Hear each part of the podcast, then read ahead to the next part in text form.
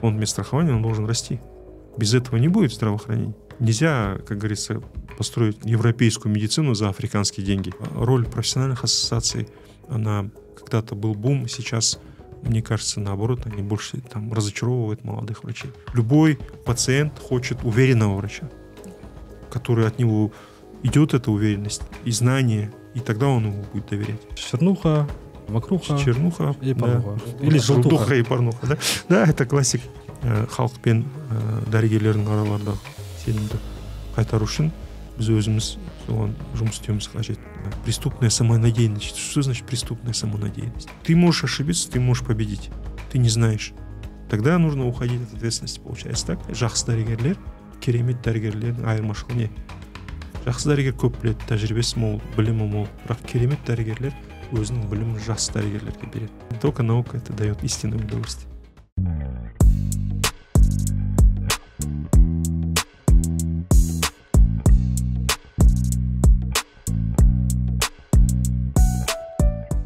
Хурмат Аматаевич, спасибо, что приняли наше приглашение и согласились.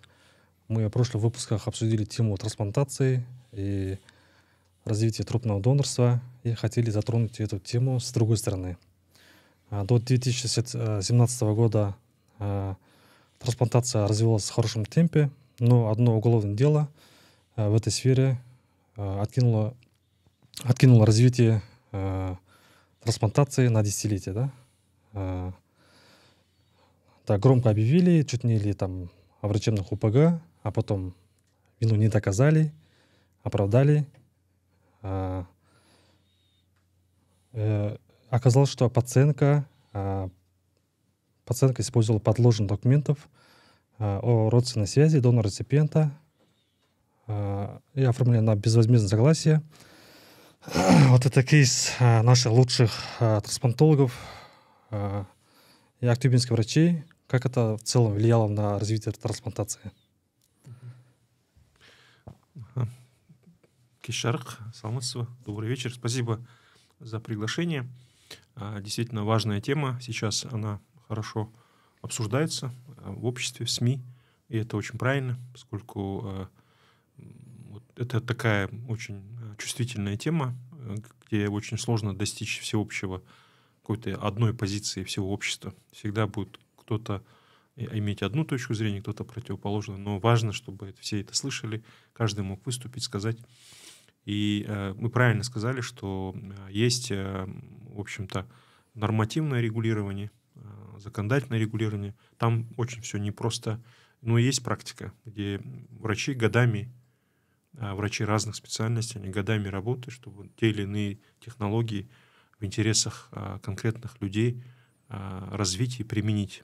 И, к сожалению, конечно, когда вот такой кейс происходит негативный, он очень серьезно влияет вот на все, на все факторы.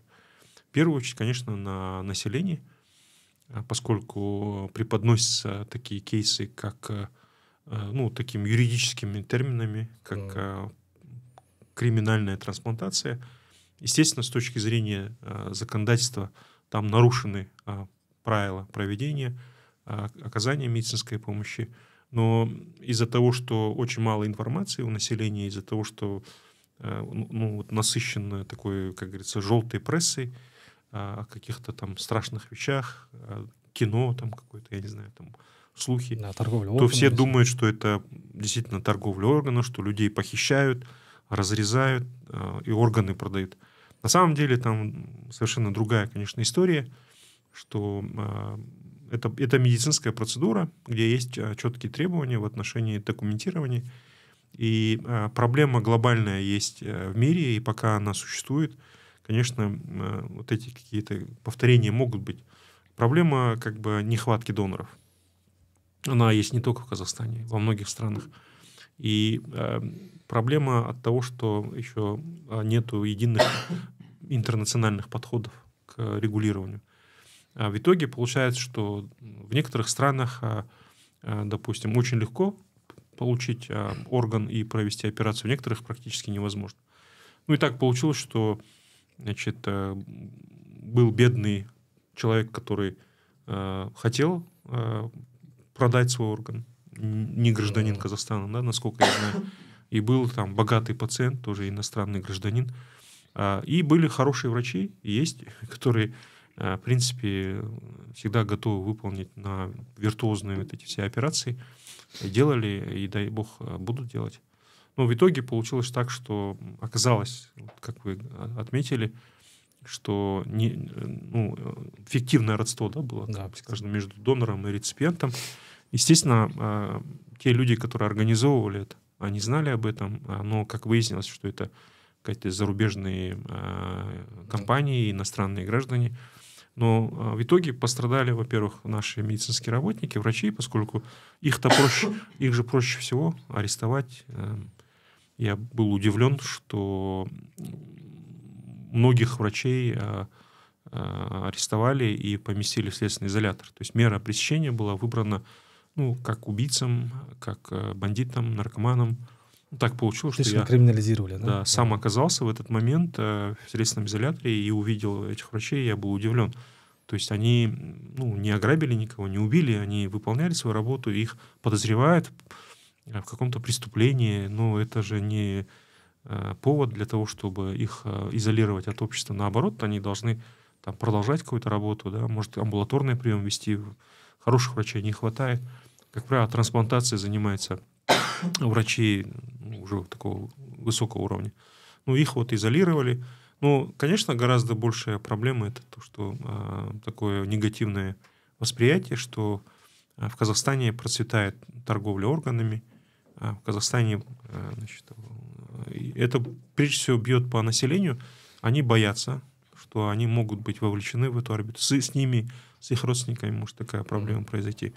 И когда уже мы начинаем обсуждать там, как бы системные проблемы отрасли вот в этой сфере, а, в частности, э, в 2018 году начался обсуждение, началось обсуждение кодекса об охране здоровья населения, где, естественно, были э, старые нормы по трансплантации, и благодаря вот в кавычках вот этому кейсу был очень негативный настрой населения и, и депутатов, а, и а, многих силовиков, а, которые как бы там, соответственно, потребовали изменения этих правил.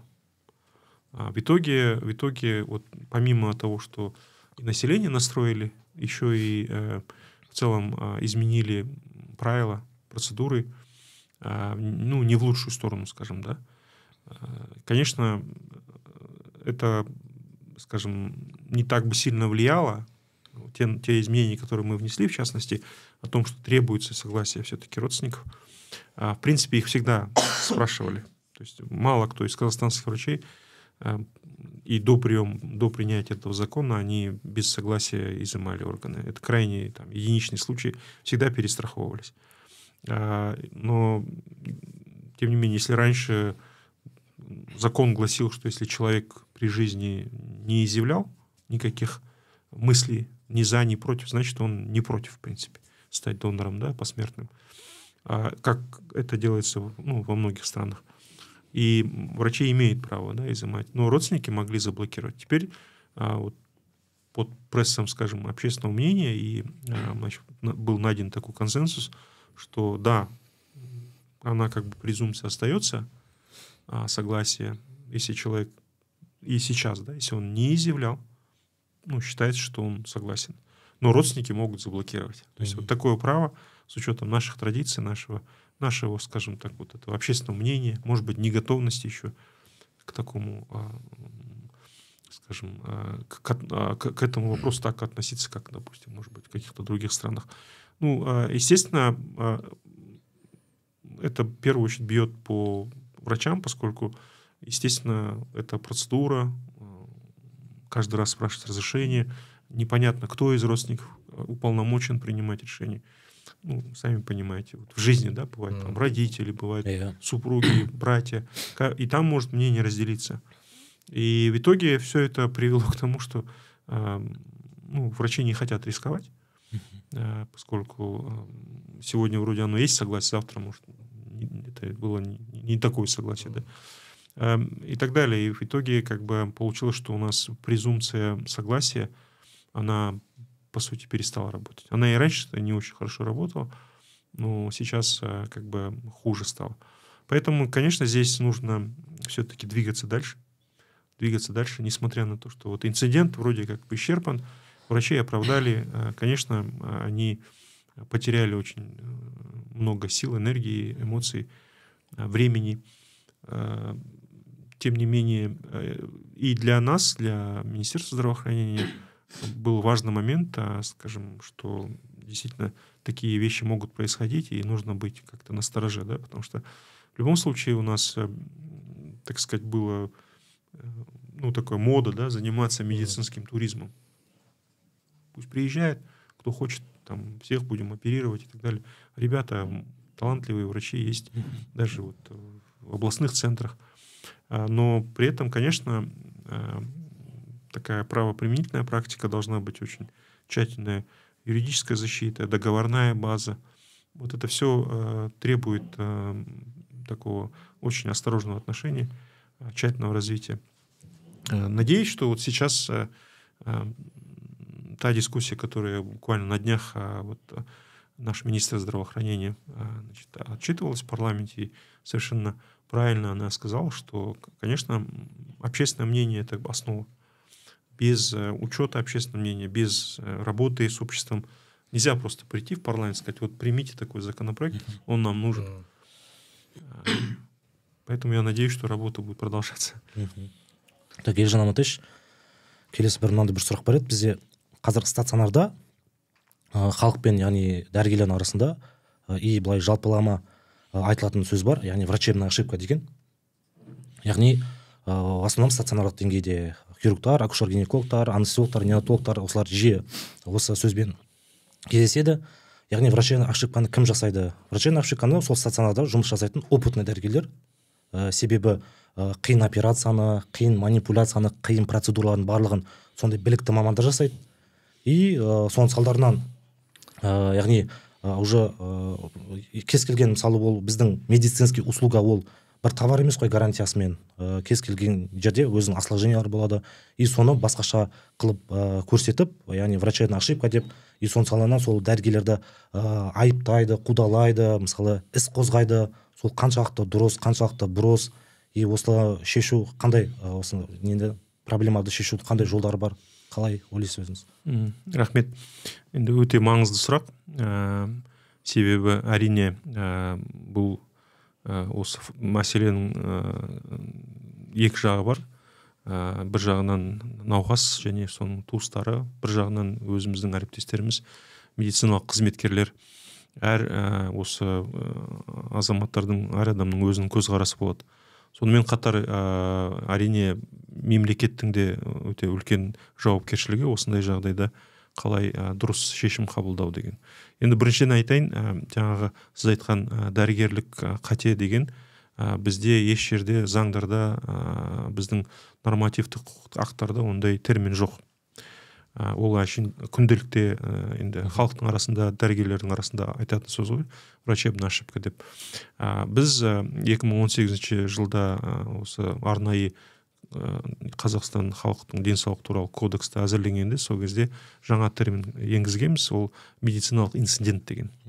Енді негізі бірдей ә, сол иә осы медициналық көмек берген ә, кезде кейбір осындай қателер шығады инциденттер болады. Ә, оның ә, несі ешқандай арнайы жасап отырған ой жоқ қой енді. Иә. Yeah. мейірбике болса да дәрігер болса да кім болса да. А, себебі түрлі түрлі себептер болады. А, әр адамның науқастың өзінің енді индивидуалдық ә, деңгейі организмнің нелері. Иә.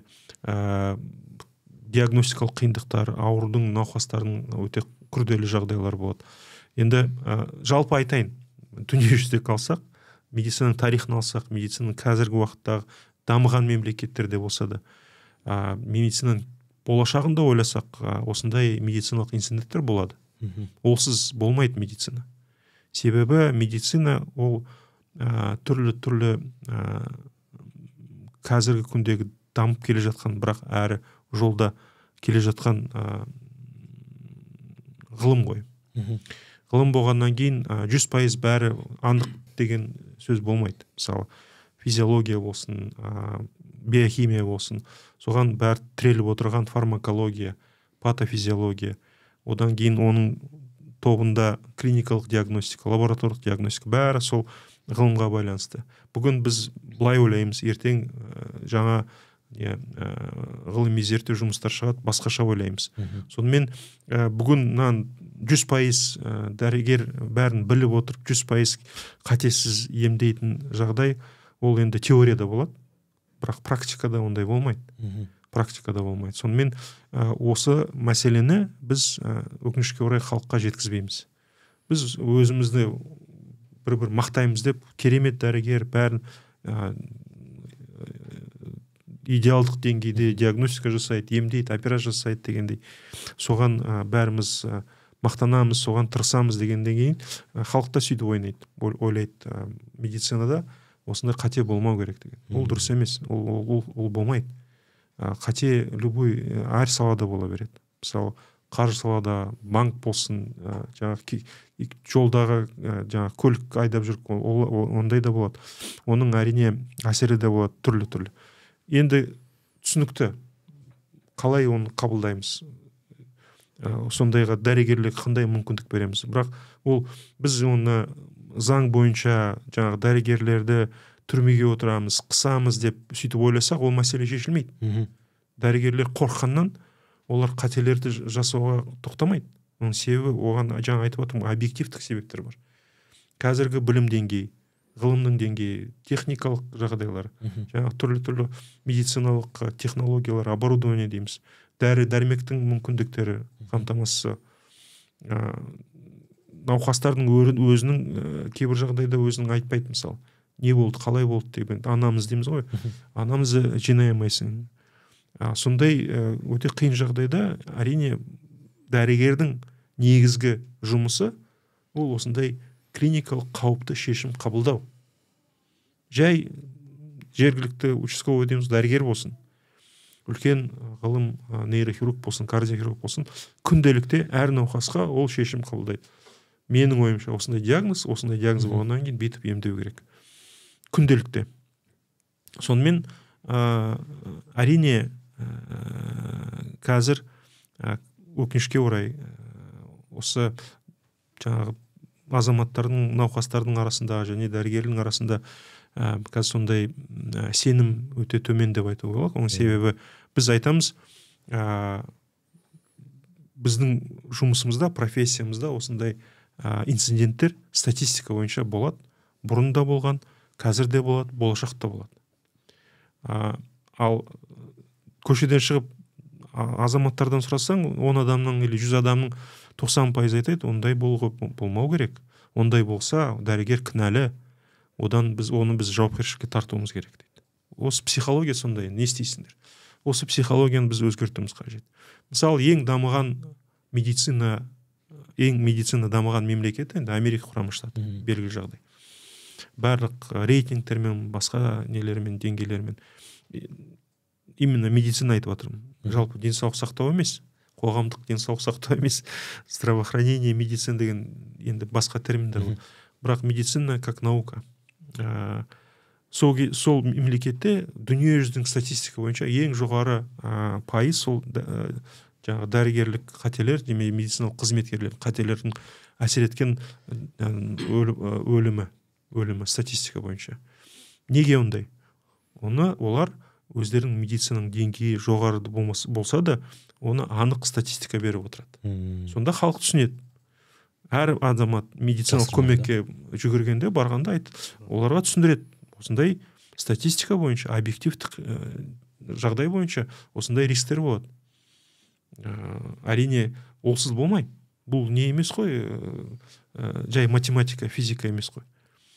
Ә, соған байланысты иә ә, біздің қазір өкінішке орай біздің қоғамымызда осы мәселені біз менің ойымша мемлекеттік деңгейден ә, кішкене дұрыс түсіндіріп таратуымыз қажет. Мәселе дәрігерлерден жауапкершіліктен сақтау емес. Дәрігер әр дәрігер өзінің жауапкершілігі өте жоғары деңгейде сезеді. Күнделікті жұмысқа барғанда оны да көріп отыр. Ә, қазіргі күнде осындай жағдай болғаннан кейін олар әрине қорқады. Себебі қазір ә, көштен сұрасаң біздің дәрігерлер қалай? Біздің дәрігерлер жаман олардың қателері көп түк білмейді дипломдар сатып алған. Ә, бірдеңке болса ертең жалоба жазады одан кейін сотқа апарады. Сонда сода қорқады. Сон қорыққаннан кейін әрине ә, көңіл күй де дұрыс болмайды. Ертең беріп жатқан емді қалай болатынын кім біледі? Иә. Сонымен ә, бұл ә, жүйелі мәселе жүйелі мәселе. Ал ә, мысалы сол рисктерді зерттеп ә, дұрыс ашық анық көріп айтсақ мысалы біріншіден неге байланысты? Біріншіден ол жаңағы жас мамандардың әр дәрігердің ә, тәжірибесіне байланысты стажына байланысты. Мысалы ә, алты жыл оқығаннан, оқығаннан кейін студент интер болғаннан кейін дәрігер ғой. Дәрігер болады.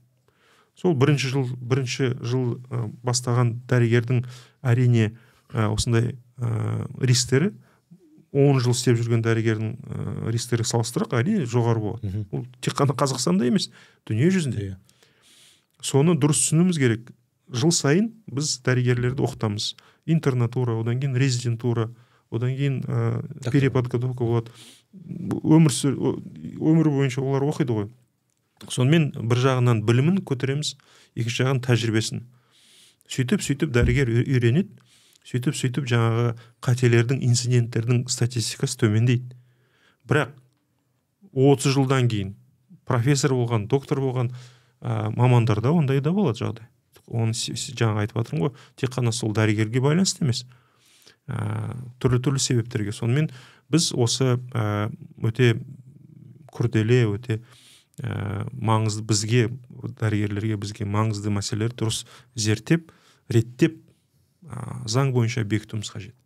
Қазір өкінішке орай біздің ә, мемлекетімізде осы дәрігерлердің қателеріне ә, ос- осындай ә, термин болмаса да арнайы қылмыстық кодексте арнайы бап бар. 317 бап. Соған ә, енді ненадлежащий деп ғой? Медициналық көмек дұрыс бермегеннен кейін әсер етсе дәрігерлер барады барады да түрмеге отырғызады.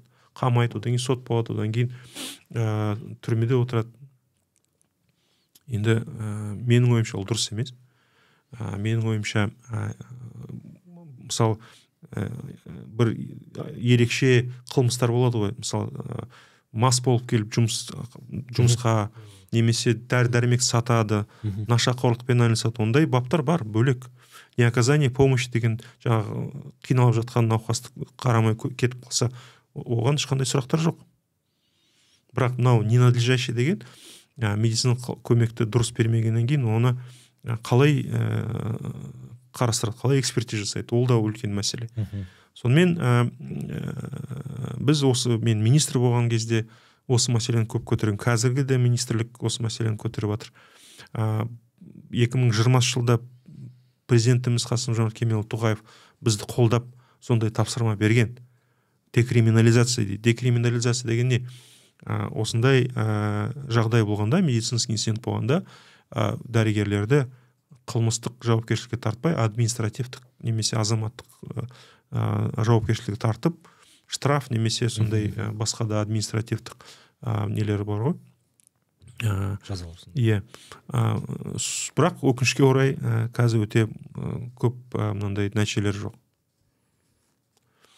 Заңды қабылдау процесі этаптары қалай болады? Ол құқық қорғау органдары қалай бұл сұраққа қалай қарайды?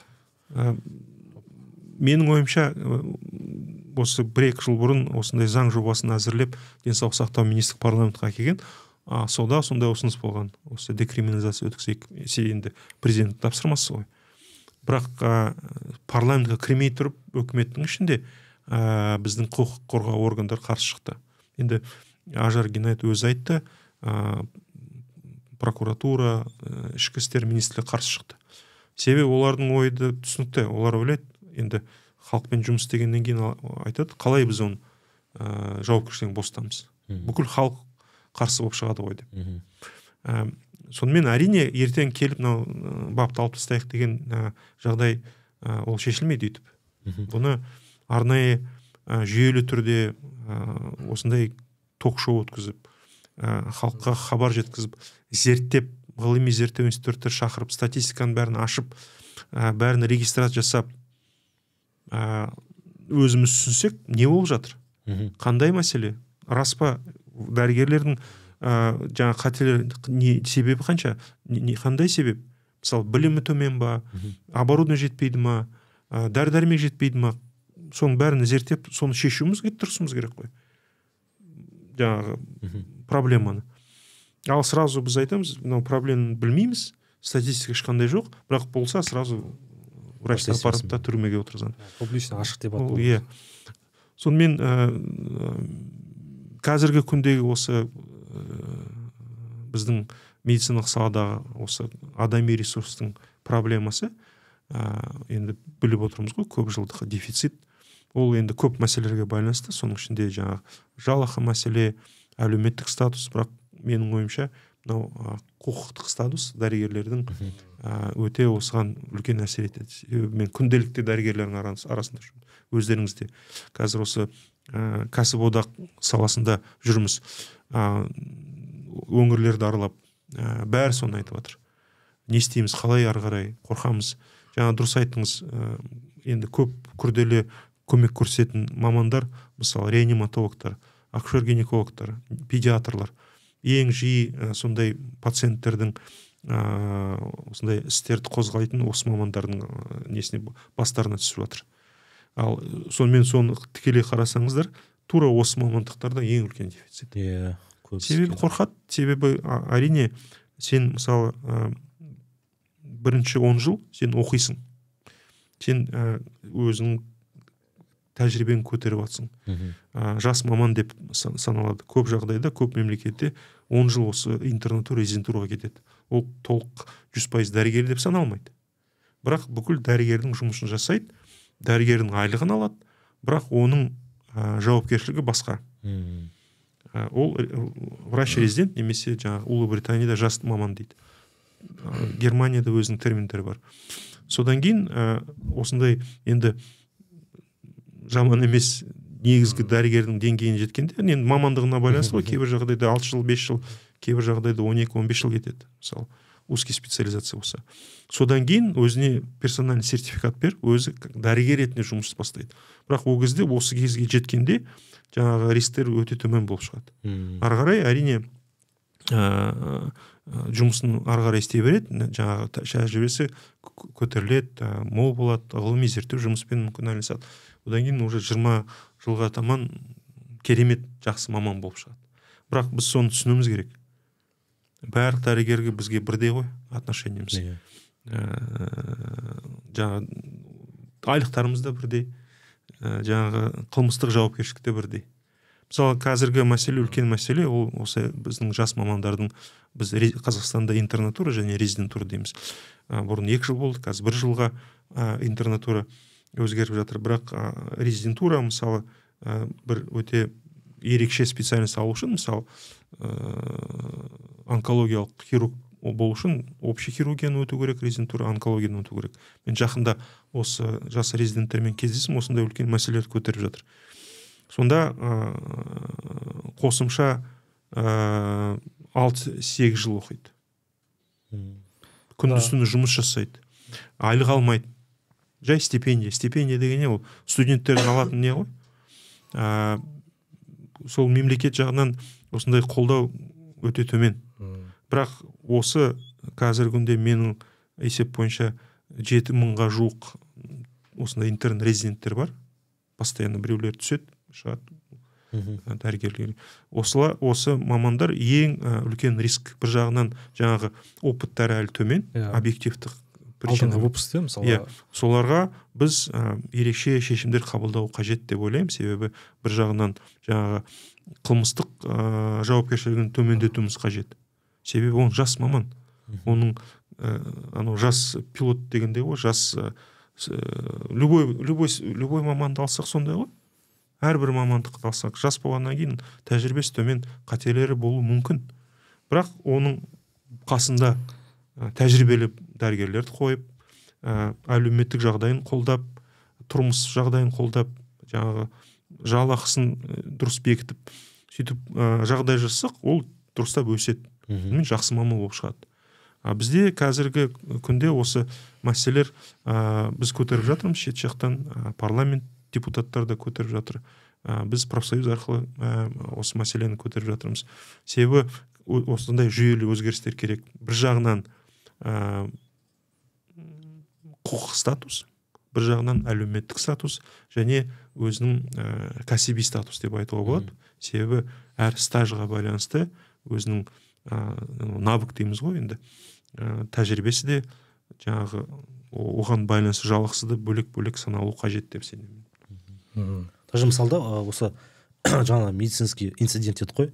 Соның өзі болған жағдайда мысалы жас маманмен оны ә, бір яғни профессионалды сообществолар именно врачебный солар талқылаған жөн да чем следователь ше иә яғни мысалы сол сол инцидентті алып сол моментті ә, сосын оны талқылап бір ретке келтіріп и келесі жолы сол нені қайталамау керек? Сол инцидентті сол мысалы жас маман. Өте дұрыс айтасыз. солай істеген дұрыс сияқты да следователь емес кәдімгі сондай енді следователь өзінің жұмысын жасау қажет. Әрине осыған заң бойынша бәрі бекіткен біздің қылмыстық жаңағы процессуалдық кодекс бойынша. Бірақ ә, жаңағы спецификалық зерттеу жағдай болғанда әрине арнайы медициналық сот эксперттер шақырады. Енді медициналық эксперт деген кім? Ол өзіміздің қарапайым дәрігерлер. Олар ә, үйреніп қалған біздің түрлі түрлі приказдар тәртіптер көп. Мысалы ә, история болезни қалай жазады жаңағы обоснование қалай жазады. Соны ә, өздері істегеннен кейін біледі ғой мынандай мынандай нарушениялар болады деп. Ол кішкентай кішкентай нарушение жазғаннан кейін олар следовательдер оны түсінбейді. Ол айтады а міне нарушениялар көп сонымен міне науқас мысалы қайтыс болды а одан причина следственный связь бар ма жоқ па? Оған енді түсіну қажет қой. Оған арнайы ә, мысалы экспертиза деген арнайы маман мамандық арнайы жаңағы сіз айтқан ә, мемлекеттік емес ұйымдар болу керек. Ә, дәрігерлердің ассоциация дейміз. Солар өзінің қолдауына алу керек. Біз, біз көп жыл осы ә, біздің медицина саламызда осы арнайы ұлттық дәрігерлік ассоциация құрамыз деп ой болған.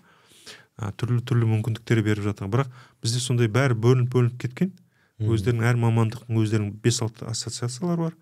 Бір мысалы мамандық алсақ оның ішінде бес алтауы бар әр өңірде өзінің ассоциациялары болады. Ә, ұлттық деңгейде ә, ассоциация врачей бар ә, ассамблея деген бар палата деген бар. Бірақ ә, бәрі бөлініп бөлініп кеткен. Ә, менің ойымша солардың бәрін кішкене бірігіп ә, заң арқылы арнайы сондай жауапкершілік және мүмкіндік берсек ә, көп мәселелер сол, солар арқылы шешуге болады. Себебі жаңағы енді дамыған мемлекеттерді көрсек европа америка құрамынша оларда не то что там экспертиза жай сертификатты беру одан кейін қайтадан тексеру мысалы екі жылға береді үш жылға береді бес жылға береді мамандықтың специ... Э, сертификаттары. Олар тек қана ассоциациялар береді. Мемлекеттің жұмысы жоқ оған. Мысалы ассоциация хирургов болсын. Олар әрине бәрі бірігіп өздерінің өздерінің ішінде интерестері болады өздерінің мақсаттары болады. Солардың ең бірінші мақсат бүкіл осы біздің мысалы мемлекетте хирургтар жоғары деңгейде болу керек. Соған жаман нашар хирургтарды кіргізбейді олар. Мүмкіндік бермейді. Себебі оларға потом әсер етеді. Мысалы қателері болса ә, сондай сондай жағдай болса сонымен олар біріншіден солар соны ойлайды. А мемлекет оған бүкіл құқықты береді. Иә, бізде мемлекет өзіне алады біз тексереміз сертификация өткіземіз ә, кім жақсы кім жаман шешеміз бірақ мемлекет болғанда енді білеміз ғой мемлекеттік органдарда ол олар ә, енді мемлекеттік қызметкерлер ғой. Олар мысалы хирургтар емес кардиохирургтар емес көбісін түсінбейді оценка бере алмайды. Сол мәселе. А, осы сұрақ бойынша енді алдыңғы ә, выпускте профессор гаев осы айтып кетті маман шығаруда аспау керек деді именно резидентураға қатысты айтты. Бізде қазір резидентура екі жыл мен төрт жылдың арасы. И взрослый и детский қосып беріп жүреді. Сол сіз жаңа ассоциация деп жатырсыз осы маман шығарудағы осы заманауи проблемалар қандай? Ә, резидентураның сертификатын университеттер бергені қаншалықты дұрыс? Қандай фильтрден өту керек сол жайлы айтып кетсеңіз осы проблема жайлы? Енді ә, мен айтайын өзімнің ойым менің ойымша ә, өте қажет деңгей. Жаңа айтып кеттім ғой. Мысалы ә, э, ортанша әр дәрігердің 30 жыл практикасы болады. Соның бірінші 10 жыл ең рисковый жаңағы уақыт период. Сол кезде біз осы дәрігерлердің э, профессионал дамуын бақылауда ұстап отыруымыз керек. Мысалы ә, дамыған мемлекеттер оны баяғыда сезіп алды. Себебі оларда жаңағы ә, жаңағы ә, рисктерді дұрыс жаңағы қанша врачебный ошибка бәрін санап отырады. Одан қандай материалдық ә, тірліктер істер қозғалады оның да бәрін сезіп отыр.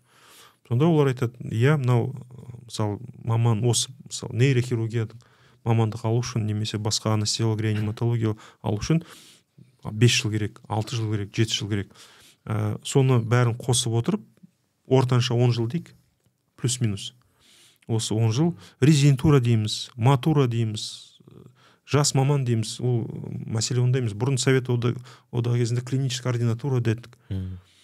Ә, бірақ ә, менің ойымша бүкіл врачтар бүкіл дәрігерлер осындай арнайы ә, периодтан өту керек. Ол период ә, мемлекет тарабынан жақсылап ә, реттеліп ә, заң және арнайы заң ә, құқықтық акттармен бекітіліп ә, бақылауда ұстап отыру керек. Себебі әрине бұл өте қауіпті ә, период. Әр жас маман. Ол жұмыс істеу керек әрине жұмыс істеу керек. Ә, тәжірибесін көтеру керек көтеру керек. Бірақ оны біз түсінеміз қалай көтереді. Ол барады да науқастарды емдейді. Әрине ә, біреу бақылауда күнделікте арнайы жаңағы методикаларын қолданып оны білімдерін навыктарын тексеріп отыру керек. Оған асығыс қажет жоқ. Менің ойымша. Кейбір адамдар айтады вот дәрігерлер жетпейді қайтадан үш ай алты ай сертификациядан анау специализацияны қайтарайық деп. Мен қарсымын. Мен қарсымын. Мен өзім мысалы клиникалық токсикологияда істедім. Мен осы он жыл тәжірибе болғаннан кейін сол кезде мен енді түсіне бастадым. Осы халықаралық деңгейде ғылыми деңгейде мысалы клиникалық токсикологияда. Ә, сонымен шетелде де көрдім. Олар мысалы токсиколог болу үшін ә, немесе ә, педиатрия немесе общий неден терапиядан өтеді. Одан кейін интенсивтік терапия өтеді үш жыл. Одан кейін екі жыл жаңағы токсикология өтеді. Сонымен қосымша сегіз жыл болады. Сегіз жыл дипломын жаңағы сертификатын алу үшін. Диплом алған күннен сертификат алғанына сегіз жыл өтеді. Бірақ сегіз жыл ол дәрігер ретінде жұмыс істейді. Статусы ерекше. Соны айтып жатырмын. Бізде резидент десек резидент болсын. Бірақ олардың ерекше статусы болу керек. Заңға жазып біз қазір соны ойланып отырмық жаңағы кеше айттым ғой резиденттермен кездестік басқа да депутаттар көтеріп жатыр ә, соны біз ә, талқылап талқылап осындай шешімге қабылдауымыз қажет. Қалай болады? Ә, енді последовательно дейміз ғой. Интернатура одан кейін базовый резидентура болады келесі резидентура оның. Мысалы бізде қандай мәселе мен білмедім осындай бар екен ә, жаңағы айтып кеттім ғой кешегі жас мамандар айтады мен енді хирургический онколог болуым керек ә, онкологияны оқып жатыр бірақ ә, онкологияны резидент бітіргеннен кейін мен операцияға жолатпайды себебі мен хирургияны өтуім керек. Ал ә, сонда теория бойынша ол бірінші хирургияны өту керек. Одан кейін онкологияны өту керек да оны шатасып кеткен. Екіншіден бізде тек қана бір резидентура тегін болады. Ал екінші резидентура тегін болмайды өзі төлеу керек. Қайдан төлейді? Қайдан төлейді? Кеше резидентура бітіргеннен кейін даже айлық алмайды. Олардың ә, резиденттердің банктарда счеттері жоқ. Кредит алмай ала алмай жұмыс істейді сондай мәселе. Ә, соны ә, қазір дұрыстап реттесек менің ойымша бүкіл біздің ұлттық дәрігерлердің осы фундаменті сол резиденттер жас мамандар. Соларға бір дұрыс статус жасап әлеуметтік мәселелер бар тағы материалдық үй, үй жағдай тұрмыс жағдай мысалы ауыл неге жіберіп жіберіп жатырмыз. Ол дұрыс енді әрине. Бірақ сол жерден қолдау беріп одан кейін жаңағы резидентура магистратураға түсіп жатқан ә, жаңағы жас мамандарға айлық төлеткізіп стипендия емес айлық төлеткізіп сөйтіп ә, жаңағы жауапкершілігін бекітіп ә, стажына байланысты анау енді профессиональный не болады ғой енді ә, котировкалар өзінің жолы. Өсу жолы тәжірибесін білімін осы жол соның бәрін реттеп жазуымыз керек. Енді ол ә, біз сол министр министр болғанда осындай жұмысты бастағанбыз бірақ оны постоянно біз ойлануымыз қажет талқылау қажет. Сонымен мен ойлаймын енді осы сіздердің жаңағы бүгінгі подкастты мамандар жас көріп ә, ойлары болса жазып жіберетін шығар. Біз көрейік. А, осы мәселені бірге қарастырайық деп ойлаймын. Иә комментарий жазып кетесіздер. Иә комментарий жазып қалай ойлайсыз деп. Ә, оның әрине арнайы анау жаңағы жоғары білім беру методологтар шақыру керек. Ә, жалпы жаңағы айтып кеткен ассоциациялардың мүшелерін ә, әр специалист өздері айту керек қалай мысалы осындай маман болу үшін қандай нелер этаптардан өту керек?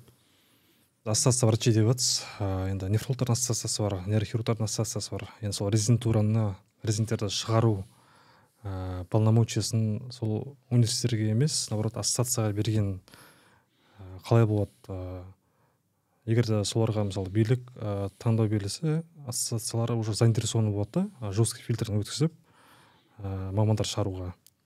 Сол сол ой жайлы айтып кетсеңіз. Енді ә, бұл ә, мәселе ә, біріншіден менің ойымша жаңағы жаңа айтып кеттім ғой резиденттерге ә, жалақы төлеуіміз қажет.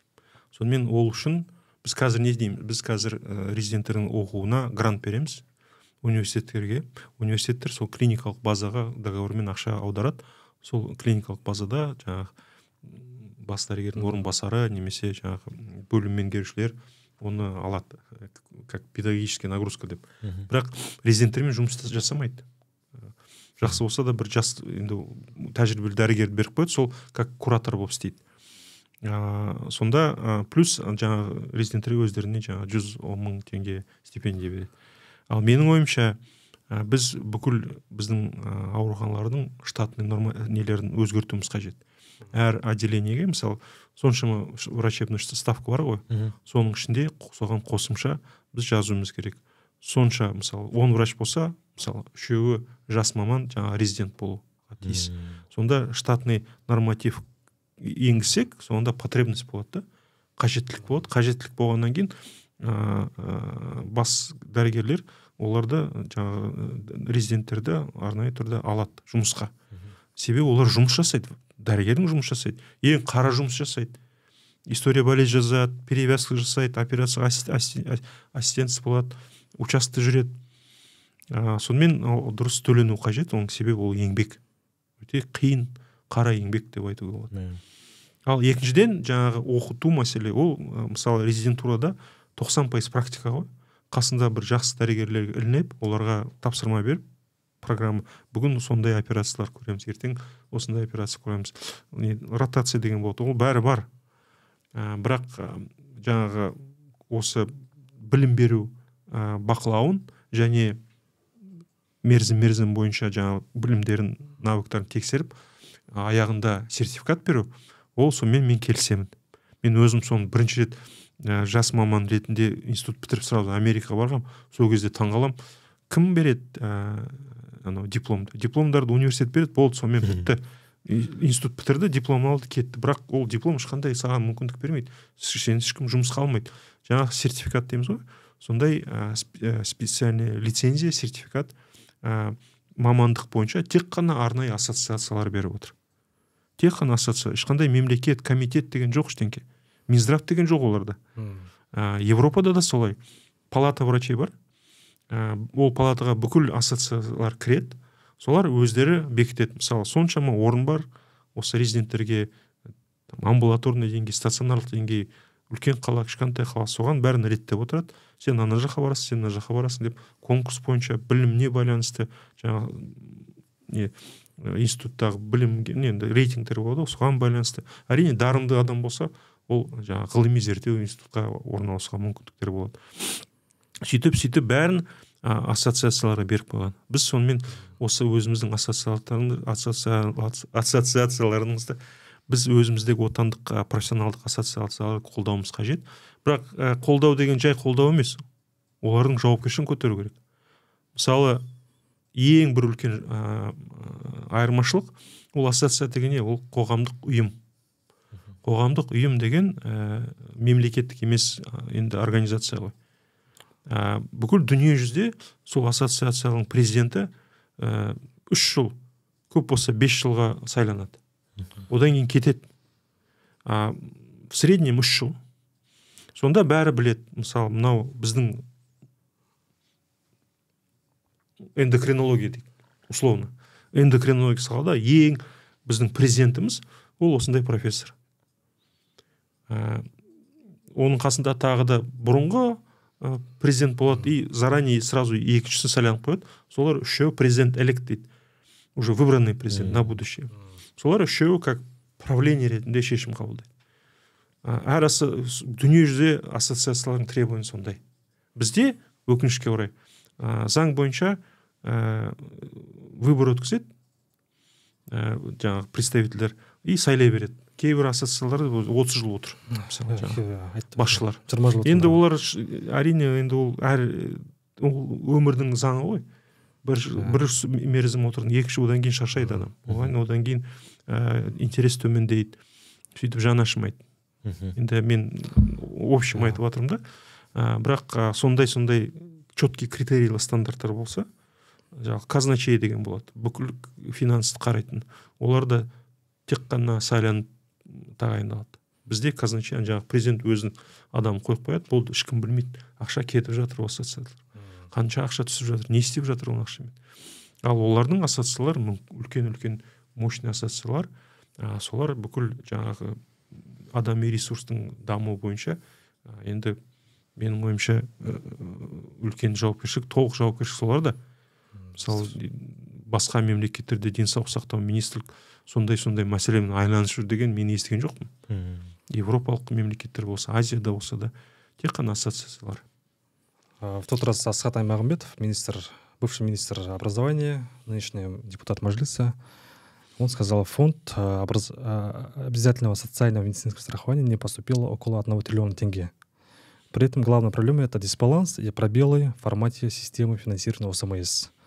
Стак взносов от казахстанцев 2%, а ставка от э, бюджета, от государств э, уже три, три раза меньше, чем первоначальная ставка. Из-за этого огромная дырка э, в фонде ОСМС.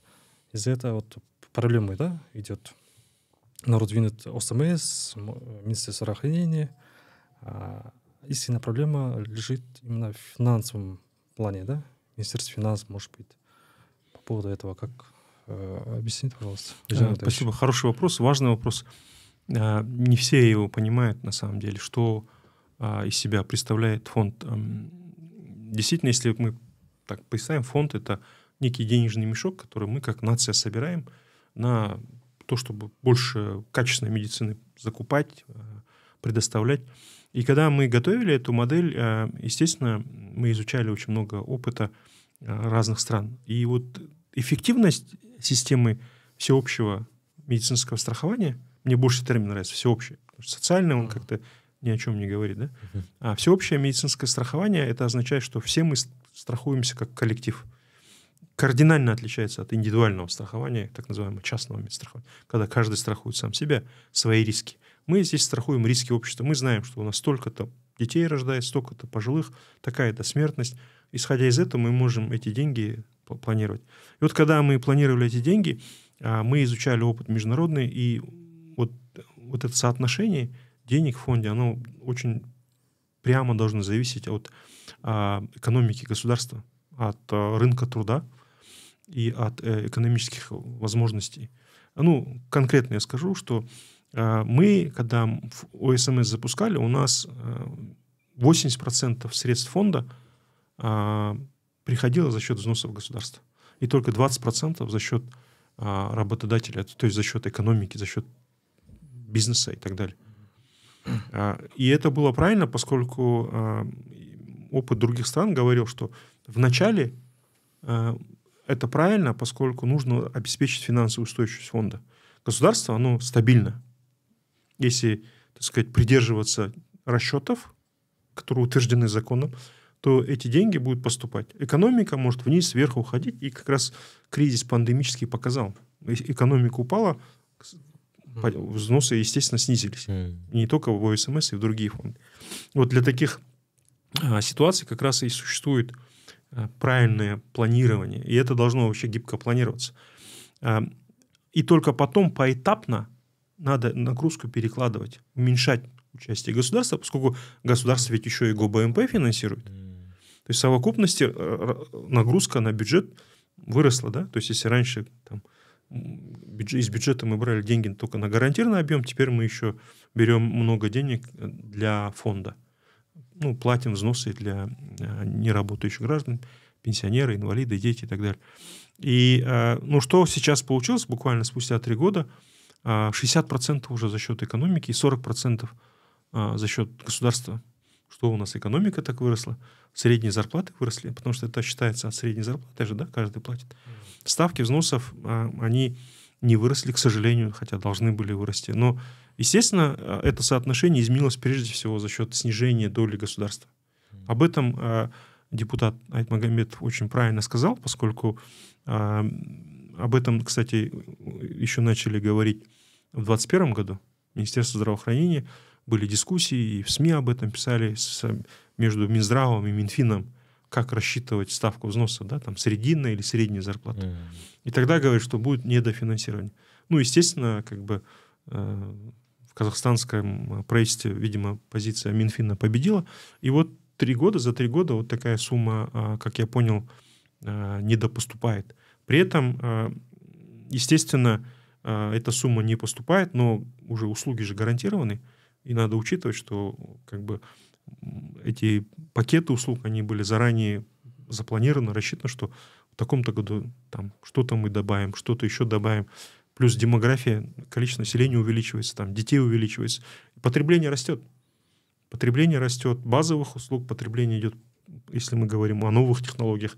Естественно, ты, когда мы там включили КТ, МРТ, которого там раньше мы только беременным женщинам могли бесплатно КТ делать до СМС. Сейчас всем можем бесплатно делать, да, по показаниям, то, естественно, это резкое увеличение. Эта потребность всегда была, просто люди за свой счет покупали.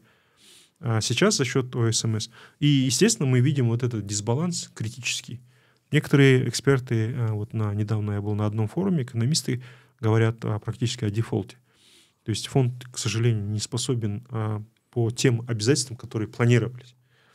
А, и, к сожалению, вот сейчас эта ситуация такая серьезная, и об этом надо открыто говорить.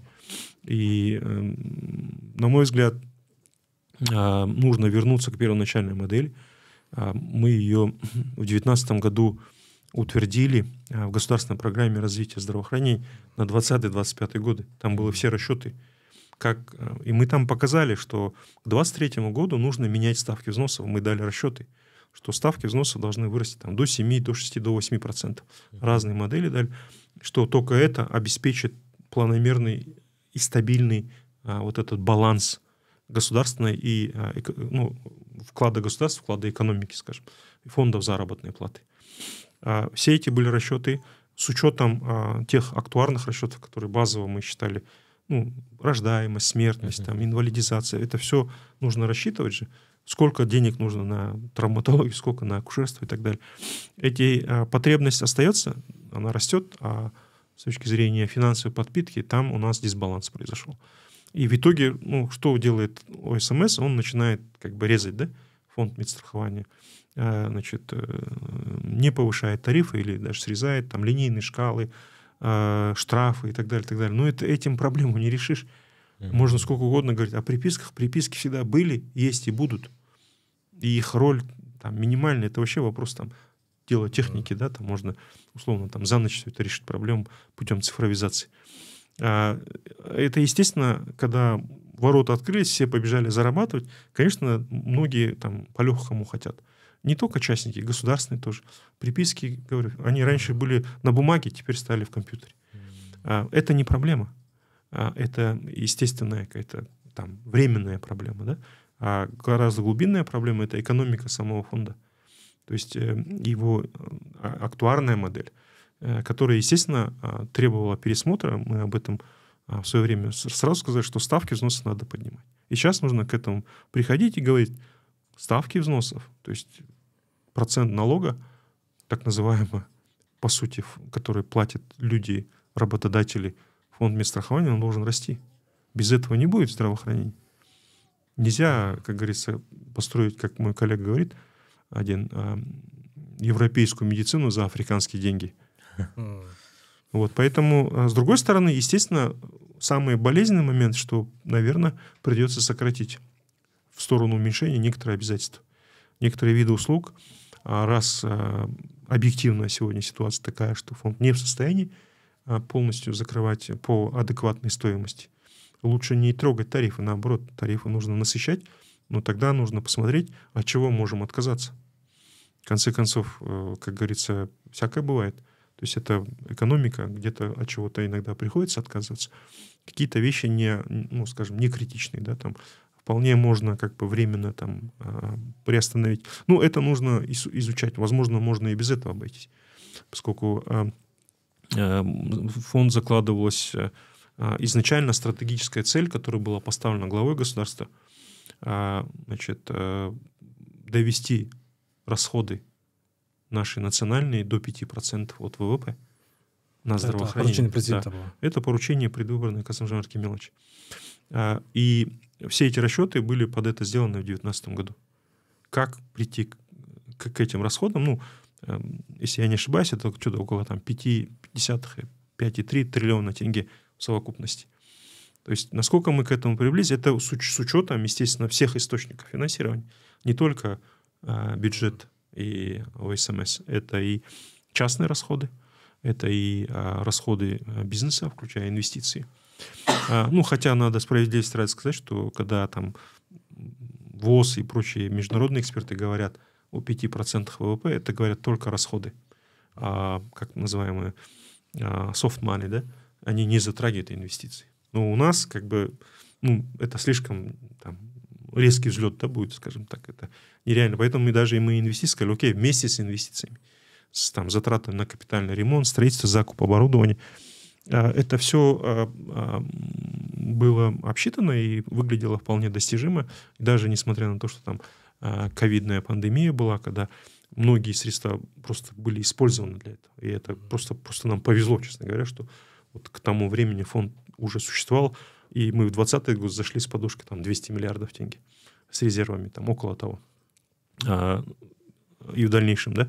Но сейчас, конечно, э, наверняка эта работа идет. Я просто как бы то, что я слышу, то, что я читаю, я вижу, почему-то об этом мало говорится, да, что происходит. То есть происходит ли анализ актуарной модели фонда, происходит ли, так сказать, именно вот эта синхронизация развития здравоохранения и фонда как экономический такой катализатор вместе с экономикой Казахстана, с рынком труда поскольку это очень взаимосвязанные вещи, и, и изначально так это планировалось.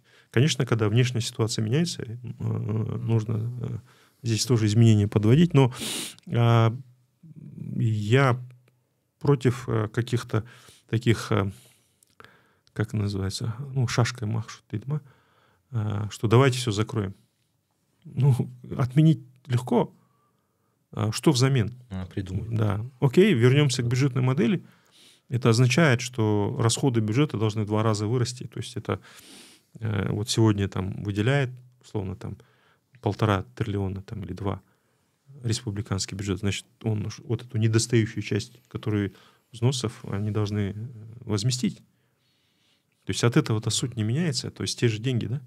А ответственность разная. И вот это вот, скажем, Э, гармонизация с э, экономикой, с фондами заработной платы в экономике, она э, имеется, да? Ее надо придерживаться. Но так или иначе нужно проводить закупки услуг, нужно контрактировать, нужно платить тарифами и так далее. Mm-hmm. То есть поэтому я считаю, что это абсолютно какая-то беспочвенная и ну, авантюрная такая идея а, по крайней мере, я не вижу каких-то других сейчас альтернатив. Улучшать нужно, можно, можно дальше, и нужно дальше развивать фонд медстрахования. Другие источники финансирования смотреть. Об этом тоже в госпрограмме мы писали, когда э, модель э, показывали, что, естественно, дефицит э, есть всегда. Даже в странах, где много денег тратят, mm. у них тоже есть дефицит. Вот сейчас в Великобритании очень большой финансовый кризис, поскольку вот чисто бюджетная модель, и они все вынуждены за счет tax-based, да, там, за счет собранных налогов финансировать. Затраты на медицину растут как, как космос. То есть это как yeah. технология. Сегодня там машина условно на бензине, завтра электромобиль, послезавтра непонятно что. Это все дорожает, медицина дорожает. Сегодня там э, было двухмерное УЗИ, потом стало 3D, потом 4D, послезавтра виртуальные будут, наверное, там эти как называется, и так далее. То есть э, прогнозировать это нужно а, с учетом потребностей э, демографии нашего населения. Да, осы жер айтып кетсек вот все эти все эти реформы, реализация реформ зависит от Министерства финансов, да? То есть, ну, несмотря на поручение президента, 5% да, ВВП. Ну, эм, мы всегда к этому стремились, Министерство здравоохранения. А все министры, которые есть, были и будут, я думаю, они всегда будут стремиться к одному, да, чтобы вот хотя бы 5% от ВВП. Хотя многие страны уже далеко mm-hmm. вперед ушли. 16-20%, там США, Европа уже там 11-12% минимум. То есть мы еще о, о 5 просим. А поэтому э, тут вопрос э, не такой, что там какое министерство там и так далее. Это должно быть общее понимание э, там на уровне вообще государства, не только правительства, но и государства в целом. Я считаю, что здесь э, должен быть, э, наверное, ну, продолжение вот этой решения этой задачи совместными усилиями и государственных органов, правительства, Министерства здравоохранения, но также с участием однозначно нужно вот привлекать сюда бизнес, поскольку сегодня роль частного сектора велика, и ни одно государство уже не в состоянии обеспечить развитие своего здравоохранения только за счет бюджетных инвестиций. Ну, богатые государства, только, только богатые государства. Мы еще далеко не богатые. Ну, нужно исходить из того, там, сколько среднего ВВП на душу населения. И исходя из этого мы и тратим, да? То есть богатые государства могут себе позволить. Мы государства не богатые. Я не скажу бедные, но мы не богатые. Но здравоохранение везде стоит одинаково. КТ, МРТ везде стоит одинаково. Ну, как оборудование. Лекарства, в принципе, там почти одинаково стоят. Поэтому нам приходится тяжелее. То есть мы вынуждены, там, как государство, большую часть своих расходов направлять на здравоохранение. И здесь нужно вот долгосрочно как бы планировать, вовлекать бизнес, создавать стимулы для частных инвестиций. Я вижу очень большой интерес на сегодняшний день со стороны э, и отечественных инвесторов. То есть мы, мы увидели, как за несколько лет вырос малый и средний бизнес. То есть сегодня там половина поставщиков, да, и даже, может, большая часть поставщиков — это поставщики с частной формой собственности. Что это такое? Это, это активы, которые принадлежат частным лицам. Это значит, здания, сооружения, это постоянное вливание денег — Э, оборотных средств, заемных средств, э, средств акционеров на приобретение нового оборудования, расширений и так далее. И бизнес готов на это идти. Сегодня э, в целом все понимают, что медицина — это не традиционный бизнес, это не привлекательный, его не сравнишь там, допустим, с ритейлом, а с, я не знаю, там, с гостиничным бизнесом, где деньги проще зарабатывать, условно, да. То есть медицина зависит успех твой зависит от тысячи факторов, начиная от того, как э, э, условно там санитарка э, выполняет свою работу в отделении, да, до твоих ключевых врачей. Это огромный там человеческий фактор, технологический фактор. И то, что у нас сегодня отечественные инвесторы, бизнес пошел в медицину, это большое, большое достижение, это большой знак на самом деле. То есть люди начали диверсифицировать они не думают сейчас вложить и вытащить. То есть они готовы уже долгосрочно иметь, это в большей степени даже для них социальная ответственность. Сколько я встречал а, таких ну, больших казахстанских бизнесменов, которые сейчас уже начинают инвестировать, для них это как бы, ну, а, естественно, это не убыточно должно быть, это должно быть там хотя бы а, с, там, с нулевой, но все-таки, так сказать, а, финансовым результатом, но в идеале и прибыль, естественно, должна быть, но это как бы вот вклад. Это уже они понимают, что надо развивать страну, надо развивать медицину, и у них есть возможности, бизнес-подходы, менеджмент, контроль качества, комплайенс. Все эти технологии, они, которые заработали в бизнесе, они готовы сейчас в медицину, и им интересно это. И вот это надо подпитывать. И, естественно, нужно делать тандемы с глобальным бизнесом. То есть заводить сюда и крупных инвесторов, чтобы от них перекачка была технологий то есть в том числе вот эти проекты государственно-частного партнерства. Та же самая финансовая. Сегодня бизнесу медицинскому банке под БВУ очень сложно кредит получить. А гораздо проще получить деньги от международных финансовых организаций. Для них это более как бы традиционные как бы, инструменты. То есть вот это, э, я считаю, перспективное направление. Я сейчас сам в этом направлении э, значит, работаю. И это вот второй блок. Ну и третий блок, который я уже до этого сказал, это, конечно, э, ну, скажем так, нужно э, существенный такой сделать знаю, акцент на человеческий ресурс, э, на кадры. Это и профответственность, это и стимулирование, профессиональная защита, это и система подготовки, переподготовки, зарплата. То есть если как бы без этого эта вся система не будет работать, можно придумать прекрасную модель, но если у тебя некому роды принимать или нет анестезиолога, чтобы наркоз дать, ну, кто будет работать? Э, вот эти три компонента я считаю важными – в принципе, они были всегда, так сказать, ключевыми. вот сол жанымдайшы мысалы қазір ә, мысалы коммерциялық организациялар яғни қазір гкп пхл болды ғой децентрализация и яғни ә, көп нәрсе мысалы мен сотрудниктерін жаңа айтатын болсам мысалы көпке алысқа бармай ақ қояйын. Өзіміздің астана қаласындағы больницалар көбісінде мысалы жаңағыдай премия мәселесі мысалы дефоплата дейді оның барлығы яғни ыыы оказание услуг. Сол больницаның стационардың ургентный жұмыс істеген соған байланысты. И яғни олар ақшаны қайдан алады мысалы в основном сол ә, істеген жұмысынан көрсеткен услугасынан яғни тарификация былайша айтқанда медицинских услуг. Осы осы месте көретін болсақ оның нелері? Прейскурант цен өте төмен. Соның салдарынан больница ә, избыточно жұмыс істейді ақша аз түседі. И соответственно мысалы олардан сұрайсың ғой не үшін премия жоқ не үшін дефоплата жоқ десең и айтады. Минустамыз минустамыз деген сияқты ше вечно осы осындай проблема. Стационарда жанайқай яғни ол ә, кейбір мысалы врачтар ә, мысалы определенный число пациент жүргізбейді. Яғни көп алады пациент мысалы он он бес он алты пациент алдың орнына жиырма жиырма бес яғни ә, медицинский работниктер сокращать етеді чтобы осылай плюсқа шығу үшін жалпылама осы проблема қалай шешуге болады негізі?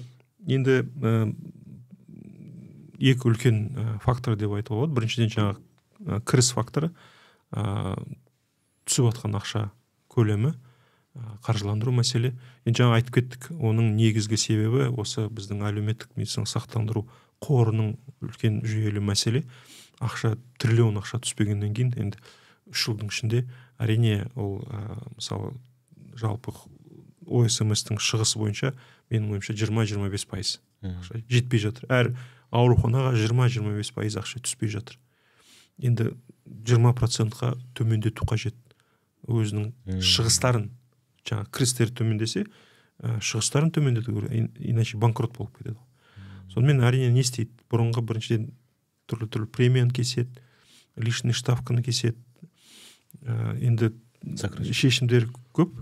Енді жаңағы аурухананың структураларына байланысты технологияларына байланысты. Бірақ ортанша айтсақ өте қиын жағдай болды. Өткен жылы ә, жекеменшік клиникаларға олар да енді әрине олардың жаңағы сондай ақша алады. Бірақ соған қосымша олар ә, пайда табу керек. Прибыль дейміз ғой. Себебі олар кредит алған. Кредит қайтару керек. Кредитті содан қайтарады ғой. Оларға да қиын болды. Бірнеше клиникалар жабылды сатып жіберді. Себебі уже төмендеп нөлден төмен кетіп қалды. Сонымен ол енді менің ойымша мен уақытша деп сенемін енді. Осы үлкен қаржы проблема уақытша деп сенемін. Ә, келесі жылға бюджет бекітілді. Ә, содан менің ойымша денсаулық сақтау министрлігі жаңағы сақтандыру қоры кішкене сол ә, жаңағы тарифтерді төмендетпей ә, сатып алып жатқан медициналық қызметтердің көлемін кішкене қысқартса сонда сол ақша жетеді. Себебі ол ары қарай ұрып жатса былтырғы жылға салыстырғанда келесі бұл биыл да қиын болады. Сонда бәрі қашып кетеді ғой. Мен мен енді көріп отырмын осы осы өткен жылдың аяғында көп адам премия алған жоқ жаңа жылдарға балаларына өзі күтіп отырған yeah. Иә. жаңа жылда премия күтесің соны қол жетпеді көбісі ноль пять ставкаға көшіп кетті көбісі күзде жабылып қалды жаңағы отпуск без содержания ол енді өте жаман жағдай күрделі жағдай оны енді қазір келесі жылға қайтадан қайталмай ә, жоспарлау керек ал әрине ә, енді ол бір жағы ғой жаңағы ә, түсіп жатқан ә, қаржының көлемі. Ә, ол енді үлкен макрофактор деп айтуға болады макроэкономикалық фактор. Ал әр ә, мекеменің өзінің микроэкономикасы болады. Ә, әрине сол ол да мен қолдаймын жаңағы сақтандыру қоры денсаулық сақтау айтып отыр ғой. Сол ә, меңгеру басқару деңгейі де соған да байланысты. Сол басқару ә, тәжірибелеріне біліміне байланысты. Ә, себебі ә, көп жағдайда мысалы ә, жаңа технологияны пайдаланып менеджмент технология пайдаланып ә, қажет жоқ шығыстарды қысқартып ә, жаңа те- технология енгізіп экономикалық ә, ә, дұрыс нәтиже беретін әм, сондай сондай технологиялар болады. Мысалы логистика бойынша закуп бойынша склад бойынша көп ақша жаңағы дәрі дәрмекке медизделие кетіп жатыр. Ә, кейбір үлкен мекемелер көрсетіп жатыр ғой нольмен шығып плюспен даже шығып келе жатыр. Сондай сол әр, ә, мекеменің өзінің ә, басқаруына байланысты. Ә, бірақ жаңа сен басында айтып кеттің ғой ә, на пхв деген ол не үшін? Ә, біздің енді бүгінгі жағдай бойынша әр ә, мемлекеттік поликлиника ә, әр мемлекеттік поликлиника болсын аурухана болсын оның бәрін басқарып отырған өзіміздің әріптестеріміз.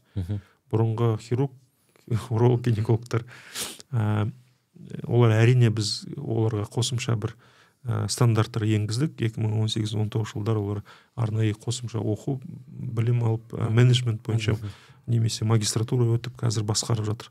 Ол өте бір маңызды жағдай болды. Бірақ ол да менің ойымша ә, ә, көп емес. Себебі енді осындай үш төрт кейбір жағдайда бес алты миллиард теңгені бір адамның ә, жаңағы шешіміне ә, салу ол дұрыс емес. Дүниежүзінде ондай ақшаға ондай отношение жоқ. Ондай үлкен бюджеттерді ә, арнайы жаңағы ә, коллегиально дейміз ғой. Ә, кеңестік жағдаймен көріп ә, қосымша шешім қабылдау қажет. Екі деңгейде. Бірінші деңгейде әр мекемеде өзінің правлениесі болу керек басқару. Ол ә, қазіргі мысалы заң бойынша тек қана бас дәрігер немесе директор өзі бекітеді. Ә, бюджет штаткасын ә, өзі қол қояды план закупок ақшаны қалай жарататын. Ал ә, корпоративтік меңгеру стандарт бойынша ол ә, өзінің әріптестерімен бірігіп мысалы правление дейміз ғой. Тек қана большинством голосов мысалы зам по экономике бар или главный министра бар немесе ә, главный врач болды ну по лечебной қарсы шықса шешім қабылданбайды. Мысалы ол айтады мынау неменеге біз соншама мысалы там дәрі дәрмек алып жатырмық ондай қажет жоқ қой келесі кварталға. Мысалы ә, сондай сондай мәселелерді олар командныймен коллегиально шешу қажет деп ә, ә, мен айтып жатқан сол. Ал екінші деңгей жаңағы әр мекеменің басшының оның тобында ә, директорлардың кеңесі болу керек. Оған ә, сол жергілікті деңгейдегі бизнесмендерді юристтерді қоғамдық қайраткерлерді жаңағы ақпараттық ә, жүйелердің мүшелерді блогерлар болсын өзінің еліне жаны ашитын адамдар келіп көмектессе мысалы общий бюджетті қарайды структурасын қарайды ә, план расходовты қарайды соны ашық анық бекітеді. Сонда көп сұрақтар. Мынау неменеге мынаны не қыласыз мынаны қысқартыңдар? Особенно бизнесмендер келсе олар сразу айтады мынау қажет жоқ. Мынаны біз көмектесеміз соншама шығыстарды. Ол бәрі ертең келіп сол жаңағы жас мамандардың айлықтарына әсер етеді. Әр сол теңге. Сонымен ә, менің сенімім бойынша біз арнайы сол кезінде ә, мүмкіндік салғанбыз. Заң бойынша өзгертіп ә, направив хозяйственное ведение деген. Әйтеуір мемлекеттік мекемелер аты былай болсын былай болсын оған байланысты емес. Мемлекеттік мекеме олар үлкен кәсіби ә, не ғой ә, клиникалар. Ә, сонда бюджеттері ең төменді енді үш төрт миллиард теңге. Ал қалаларда жеті сегіз миллиард теңге бюджеттер. Енді ол үлкен бизнесқа салыстыруға болады. Иә. Бизнесқа кішкентай ортанша бизнес болсаң оларда обязательно совет директоров болады коллегиально бәрі ашық анық. Себебі бәрі көріп отыру керек. Ол ә, біріншіден ә, жаңағы бизнестің ә, акционер дейміз қожайын. Мынау мемлекеттік деңгейде қожайын кім? Ол халық мемлекет. Ә, сол халық немене көріп отырмайды мысалы? Ә, сонымен ә, осы мәселені ары қарай даму қажет деп санаймын. біз ә, мысалы үлкен республикалық мекемелерде университеттерде сондай стандарттарды енгізгенбіз менің ойымша жаман емес нәтижелер жақсы ежан пациент почему пациенты перестали доверять врачу это или стагнация или кризис как это понять вы можете это раскрыть эту тему Спасибо. Очень хороший, важный вопрос. Сегодня, наверное, все говорят да, о том, что есть большое недоверие наших граждан казахстанским медикам. Ну, в целом я, я, я с этим согласен. На сегодняшний день, я бы сказал, есть ну, три глубоких больших кризиса в нашей системе здравоохранения. Они не сегодня появились, это они как бы всегда были, просто в той или иной степени мы стараемся это контролировать. Правительство, местные органы, там, врачебное сообщество. Но и внешние факторы также очень серьезно повлияли, в том числе и вот пандемический кризис.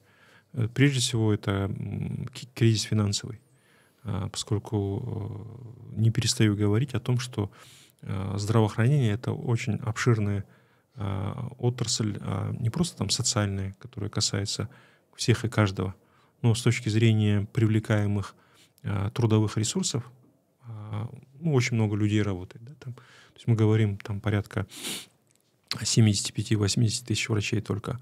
А в совокупности средние медработники, младшие медработники около 250 тысяч человек. Если мы возьмем а, вспомогательный персонал, административный, технический, инженерный, то есть можно говорить там 300-350 тысяч человек. Это очень большая отрасль. И а, с одной стороны, с точки зрения трудовых ресурсов, поскольку ну, работаем головой в основном, uh-huh. И второе, естественно, сегодняшняя медицина, она невозможна без технологий уже. То есть если раньше врач мог, как говорится, одним фондоскопом работать mm. э, успешно в центральной районной больнице, да, ну, естественно, тогда и результаты летальности были другие, мы же об этом не говорим, uh-huh. что средняя продолжительность жизни тогда не превышала 60 лет. Люди умирали, поскольку не было технологий, и как бы все это, никто даже и не представлял, что это может быть по-другому. Мы только вот с 10 по 15 год у нас смертность от сердечно-сосудистых заболеваний там более чем два раза сократилась только за счет внедрения а, вот эндоваскулярных методов терапии, да, стентирований mm. и так далее. То есть э, э, к этому быстро привыкаешь, да, поэтому сегодня медицина без технологий невозможна. Технологии — это деньги, это и лекарства, и вот, оборудование. То есть поэтому, когда финансовая подпитка уже страдает, естественно, это сразу ощущается на отрасли, сразу ощущается на пациентах. Поэтому финансовый кризис, ну, мы об этом сейчас говорили, а, в чем там какие-то основные проблемы, да, там проблем можно много говорить, а, но сегодня вот, э, к сожалению, вот говорю, что мы как государство, исходя из собственных доходов, мы идем прям по грани собственных возможностей. А, по расходам на сектор здравоохранения, но всегда есть э, возможности, нужно обсуждать, нужно открытый диалог с бизнесом, с финансистами, с, с сообществом. Это одна проблема. Вторая проблема — это, а, естественно, кадровый кризис. Кризис развития человеческих ресурсов. А, ну, позвольте уж я этого коснусь. Э, это связано с, э, естественно, все, они все между собой связаны. Мы видим, да, что из года в год э, дефицит кадровый имеет место быть. Это, я скажу, глобальная проблема.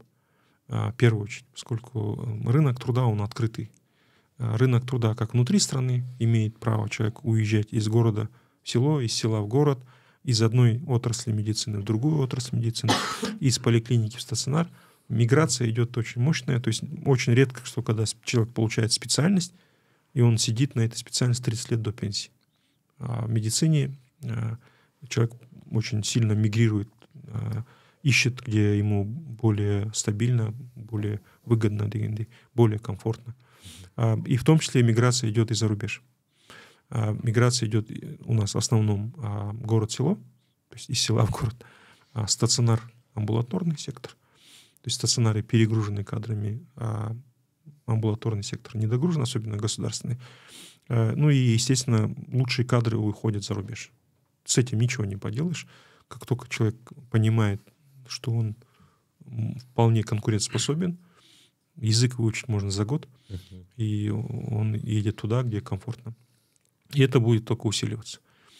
Э, мы стараемся улучшать систему подготовки кадров, соответственно, мы готовим еще больше врачей для мирового рынка врачебного. А, то есть это да, такие, drain, да, это, это всегда будет давить. Да. Чем лучше мы хотим сделать систему образования, тем лучших врачей мы готовим, и чем лучшие, не все, лучшие и конкурентоспособные и готовые на перемены врачи будут уходить из одной страны в другую. Это Европа видит, ну, мы видим там, если посмотреть э, там, традиционную Западную Европу, Великобританию, там практически местных кадров нет. То есть фактически очень большой был отток кадров, допустим, врачебных из Великобритании в Соединенные Штаты Америки и в Австралию, в Новую Зеландию, вот, так сказать, в 2000-х годах. А в Европе тоже такая ситуация. То есть при, приходят новые кадры, а, естественно, для всех вызов это сертификация, чтобы эти новые иммигранты, трудовые ресурсы приходящие, они соответствовали нуждам нашего населения. Вот задача государства. То есть нельзя это, э, это отрицать, нужно готовиться к этому. Мы, мы можем принимать на, на, на работу иностранную рабочую силу в медицине. Рано или поздно нам придется, это уже происходит. Но, естественно, мы должны э, очень высокие требования ставить, защищать свой рынок как труда, так и, в первую очередь, интерес своих пациентов. Э, ну, там много вопросов, связанных э, с развитием человеческих ресурсов. Ну, наверное, один из ключевых проблемных моментов с точки зрения вот, кадровых ресурсов нашей медицины, это вот э, а, скажем, а, обесценивание а, именно цеховой культуры, ее ослаб, ослабевание. То есть как, какое-то время, там, может быть, первые 10 лет в независимости мы шли на темпах той культуры, которая была создана в советское время, центральным правительством Советского Союза. Это характеризовалось очень мощной социальной поддержкой со стороны общества, врачей и педагогов, им высоким статусом в обществе несмотря что зарплаты никогда не были там выше среднего, да, а, но тем не менее статус был очень высокий, а, уважение и так далее. Это все ну, идеологическая работа. На, на, на, этом шли и а, внутренние взаимоотношения между а, вот, а, не только между классические там вещи в области деонтологии врач-пациент, но и внутри врачебного сообщества, медицинского сообщества, они меняются. И, естественно, причин много, но сегодня мы видим, что ослабевание идет, скажем, да, такой... Мне не нравится слово «врачебная солидарность». Это лишь одно из проявлений культуры. Есть понятие там, корпоративная культура. А, но здесь гораздо шире, конечно, мы не можем сказать, что у нас там медицина — это некая корпорация, но в принципе а, смысл в том, что это вот внутриотраслевая культура среди а, э, ключевых работников. Именно не только врачи, это мы всегда вместе с медсестрами, все медики. И э, здесь, э, естественно, оно а, не подпитывается соответствующими там, а, лидерскими ролями, а, не, не подпитывается соответствующими какими-то а, нетрадиционными, неформальными и формальными институтами развития этой культуры цеховой. К сожалению, вот мы говорили о том, что роль профессиональных ассоциаций, она когда-то был бум, сейчас, мне кажется, наоборот, они больше там разочаровывают молодых врачей. Никто не стремится к участию в этих ассоциациях. Есть, конечно, и отличные ассоциации, и они действительно работают по мировому стандарту, они тянут за собой всех своих коллег по стране. Есть такие ассоциации, мы их видим, все их знают, но их единицы. А в большинстве отраслей, э, крупных отраслей, пока вот этого единого духа, взаимоподдержки, взаимного развития, отстаивания своих интересов, прежде всего, внутри себя, не от населения, наоборот, для отстаивания интересов, чтобы не, не проникали в наши ряды ненадлежащие кадры. Понимаете, это первая роль а, вот, ассоциации, как мы уже говорили. Вот это большой блок вопросов. Тут и я вот сейчас понимаю, а, где-то и возможности профессиональных союзов не, не учитываются. То есть мы относимся к профсоюзам так же, как, там, как и в других отраслях. Там, профсоюз, там, я не знаю, нефтегазовой отрасли или какой-то другой. Хотя а, считаю, что ну, в каждой сфере должна быть своя специфика. И я посмотрел опыт профессиональных союзов. а, во многих а, там развитых странах уже идет некая синергия. То есть профсоюзы и вот эти палаты врачебные, они фактически уже слились. То есть и иногда трудно различить, это палата врачей или это профсоюз. То есть, по сути, юридически это одно и то же, это общественное объединение. Люди туда заходят, все врачи, для того, чтобы развиваться и защищать свои интересы. Вот. И внутри э, эти ассоциации, они развивают вот внутренние традиции, культуру, доверие, уважение друг к другу. И много всего, чего не пишут в учебниках, mm-hmm. чего не пишут в приказах Минздрава. А, это очень важно, этим нужно заниматься. Ну и третье, конечно, вот результат, я думаю, именно результат мы ни в коем случае не должны винить а, население, это кризис доверия.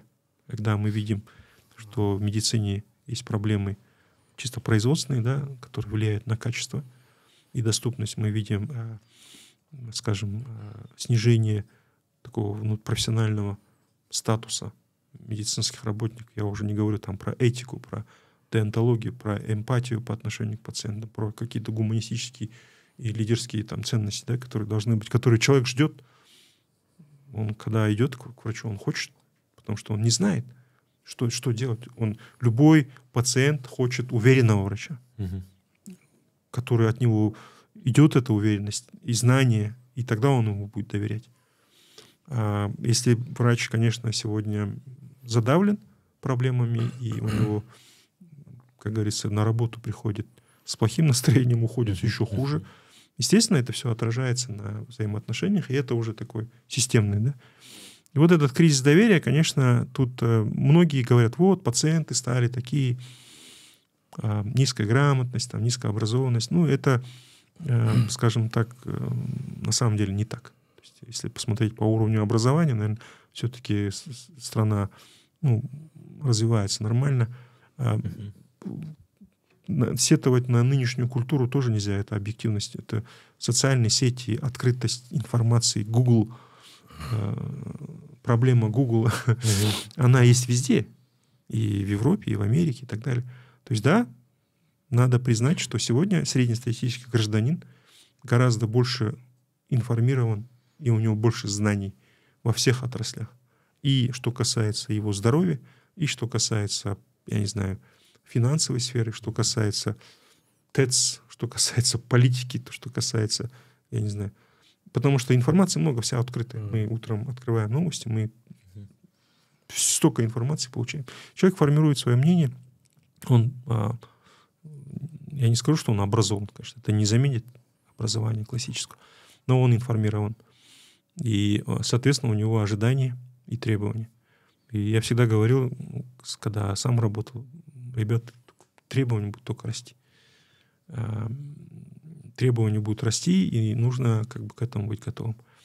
А, но в этой части, конечно, кризис, он такой достаточно серьезный. Это тоже идеологический вопрос. То есть я считаю, что тут э, ну, нужен такой комплексный подход. А, во-первых, ну, соответствующие какие-то идеологические вещи должны происходить от имени правительства, от того же министерства, от того же там Министерства культуры, местных акиматов, которые должны поднимать, угу. хвалить, показывать результаты своих клиник, своих а, врачей. И не в том формате, который сейчас мы видим, ну, такой там, я не знаю, long read в Фейсбуке, который сперва казахша, потом орша, да, там цифры какие-то, ну, неинтересно это новых форматах, да, а, в социальных да. сетях. Угу. Потому что это то, что как сегодня люди воспринимают информацию. А, мы вот и профсоюзы, и по профсоюзной мы не говорим, профсоюзы тоже должны в этом участвовать, да, сами коллективы. Не надо стесняться, нужно показывать. Показывайте лучшие свои качества, они есть. Угу. Большинство врачей хороших, опытных, они настоящие патриоты своего. Не надо стесняться, надо показывать используют современные технологии. И э, это, ну, я не знаю, маркетинг. Да, позитивной рекламы не хватает. Да, это да. Социальный, социальный маркетинг, а, потому что все равно мы как бы, ну, с точки зрения общественного, там, потребительскую психологию никто не отменял, а люди сейчас принимают решения совершенно по-другому, да? Там газету «Ухмайт» телевизор yeah. кормит, э, Инстаграм, короткие, короткие информации. Мы видим много бизнеса, иногда сомнительного бизнеса, очень много всяких, то есть любой там начинающий врач или там даже шарлатан может там делать рекламу, и никто это не контролирует. да, Но как, как этому противодействовать? Қалай соған қарап отырамыз Кроме еще... Э, тут должны быть и ограничения, должны быть стимулы. То есть э, в, этом, в этой сфере э, нужно работать. И идеологически нужно работать, потому что как бы ну, медицина будет хорошая в той стране, где не 5, там, не 6 или там, не 20 процентов, а там, где люди будут гордиться своей медициной, да, граждане, они будут знать своих врачей в лицо. Они будут говорить, вот такие у нас есть звезды. А, и, и, и тогда, да, и тогда будет образ хорошего врача, mm-hmm. образ грамотного врача, образ доброго, этичного врача. Mm-hmm. К сожалению, мы это все не показываем, показываем да, только негатив. Да, только... Негатив күнделікті шығып жатыр, шығып жатыр. В общей сложности 5% yeah. негатив. Именно журналисты, как у них работа из слов, там да, это... основная работа это чернуха, а, макруха, чернуха и порнуха. Да. Желтуха, Или желтуха и порнуха. Да, да это классика. классика енді бүгінгі күнде уже традициялық журналистика жоқ қой ну бар бірақ тек қана сол журналистикаға сену өте қиын. Сонымен осы әлеуметтік жүйелер жаңа технологиямен жұмыс жасау керек. Осы сенімді сенімді ә, халық пен ә, дәрігерлердің аралардағы сенімді қайтару үшін біз өзіміз соған жұмыс істеуіміз қажет. Біз өзіміз дәрігер тек қана дәрігерлер емес енді әрине басшылар клиниканың басшылары әр клиникаларда сондай арнайы мамандар болу керек. Координатор болу керек иә координатор болу керек. Енді ол көп ақша емес қой қазіргі күнде мысалы. Ә, кәсіп одақтарды қосу керек. Жергілікті Э, әкімшіліктер оларға да өте маңызды қажет. Олар да мақтанатын жағдай керек. Yeah. Иә. біздің қандай қандай соншама күрделі қиын операция жасап қаншама балаларды науқастарды құтқарып отырмыз. Оны дұрыс көрсету керек енді иә. э, жаңа журналистер көрсетеді шығарады бірақ оның продвижениесімен уже не заинтересованы да? Басқа да олар не будет заинтересованы. Да. Журналистерге жаңа айттық қой. Оларға э, скандал керек. Иә чернуха керек трагедия керек. Қызық емес қызықпайды. Сонда біз өзіміз ойланып қызықтыруымыз қажет. Өйтпесең болмайды. сенім болмайды. Мысалы жаңағы дамыған мемлекеттермен салыстырып отырық қой біз. Солар қарайды ғой врачтар вот ана жақта соншама қалай жақсы. Енді ол, ол тек қана айлықтар емес жалпы осындай жаңағы сенім ә, статустары өте үлкен. Ол енді бір жылдың ішінде емес ол өткен ғасырдан келе жатқан ә, нәрселер бірақ дәрігерлер болғаннан кейін бәрі тұрып тұрады. Сондай деңгейге біз жетуге тырысуымыз қажет деп сенемін. Бес пайыз негатив қатты общественный резонанс алады ал тоқсан бес пайыз позитив халыққа жетпейді.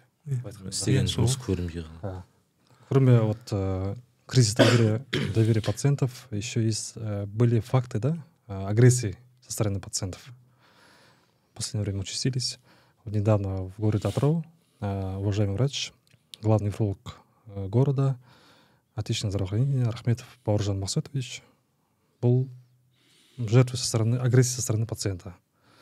И потом я, как он читал, определенный лист а, пациенты с инвалидностью, там 10 пунктов есть, там mm-hmm. онкология, туберкулез и ХПН пятая стадия.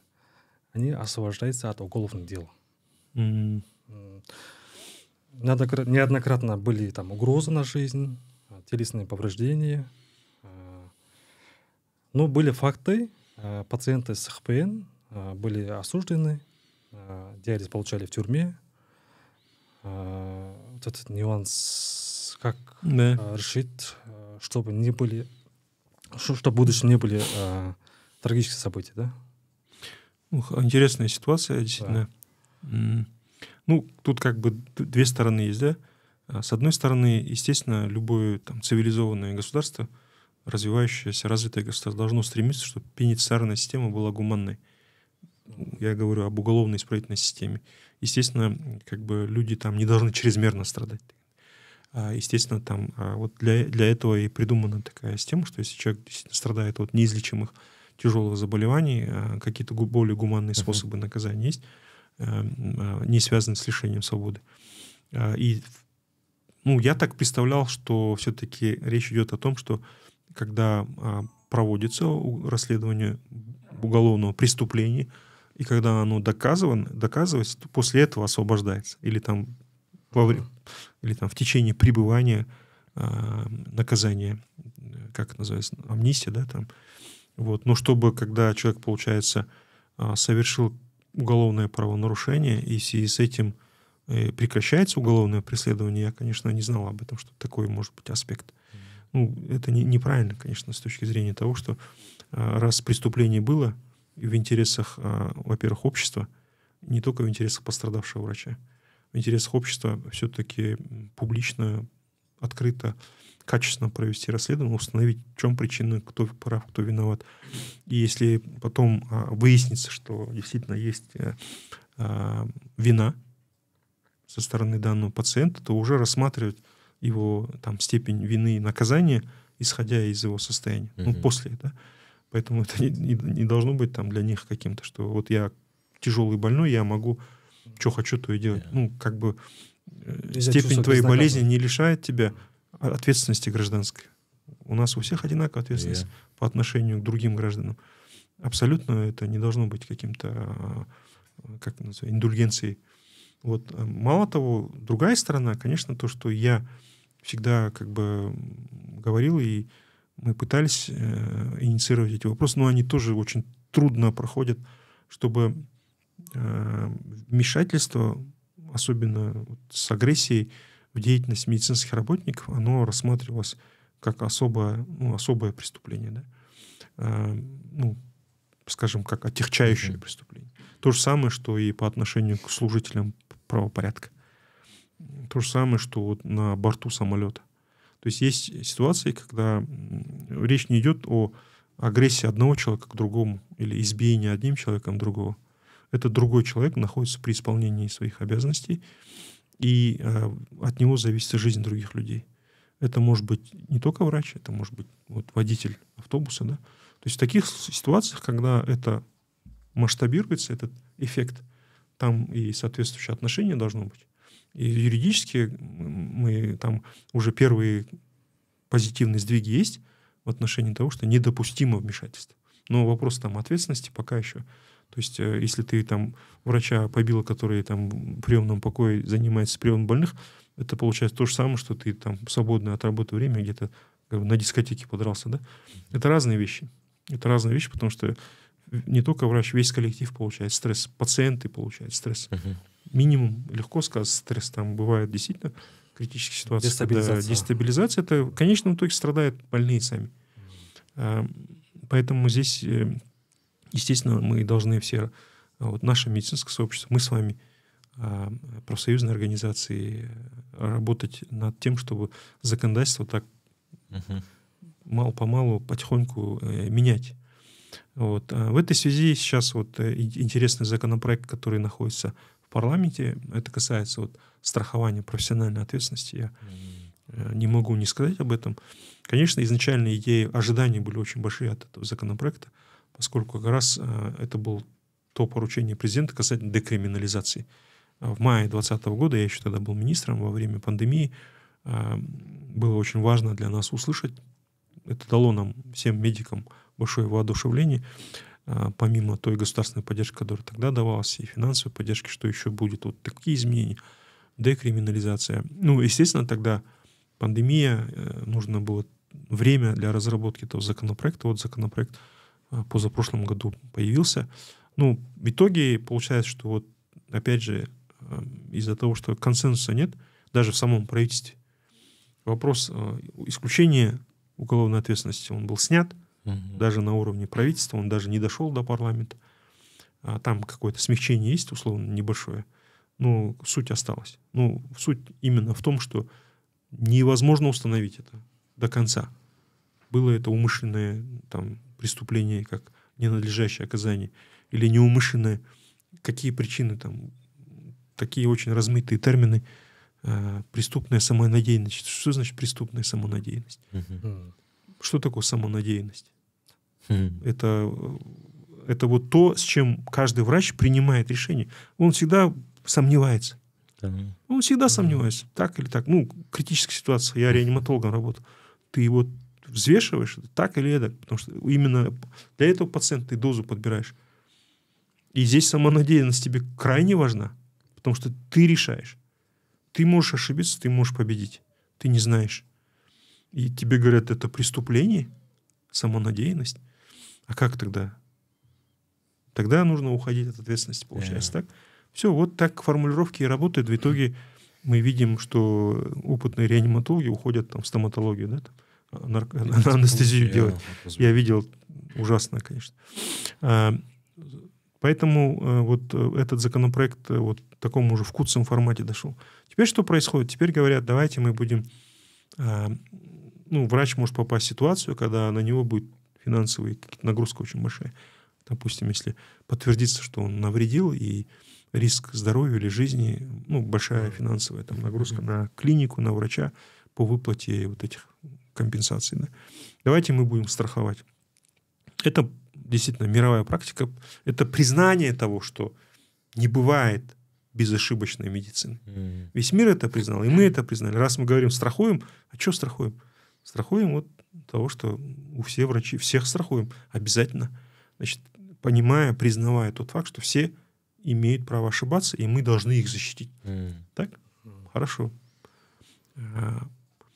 Идея классная. Но там, конечно, очень много специфики и нюансов. Основной вопрос это была вина врача или нет. То есть там есть теории вот, а, в данной нормотворчестве, в международной практике есть модели с виной или без вины. В случае, когда а, обязательно должно быть доказа- доказательство вины, а это только может суд сделать либо ущерб установлен, там, допустим, вред здоровью или даже критический уход, но при этом модель говорит, мы не будем искать вину в действиях врача, мы просто компенсируем. Жаңағы скандинавские модели. Да, да, в некоторых странах вот такая модель, что самое главное, мы человеку возмещаем ущерб. сотқа жетпей тұрып иә компенсацияны Ну, төлеп там, тастайды да, а нюанстар сотқа кетсе уже болды ары қарай А, компенсация а если виной, то это только суд может быть. иә сот И вот у нас тут не- непонятная а, модель получилась. В итоге, а, в случае, если такая ситуация возникает, заң бойынша заң жобасы бойынша жаңағы науқастар тікелей сол ауруханаға жазады хаттарын как бы инициируется ра- расследование комиссия. А, сейчас э, изначально было что это комиссия внутри больницы.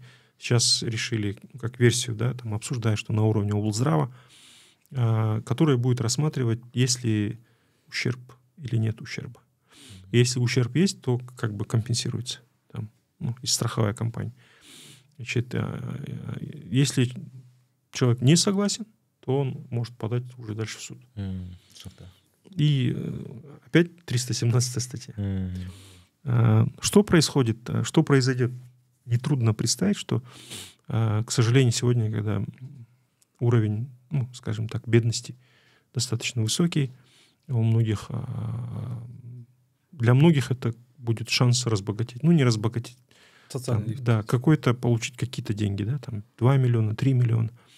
А, И все, и я думаю, что очень много людей, которые считают, искренне верят, что им что-то там плохо сделали в больнице, и давайте я там напишу. Вдруг, вдруг получится, да, там, вот Жалко давление не изменил, вот голова болит, я там ходить не могу.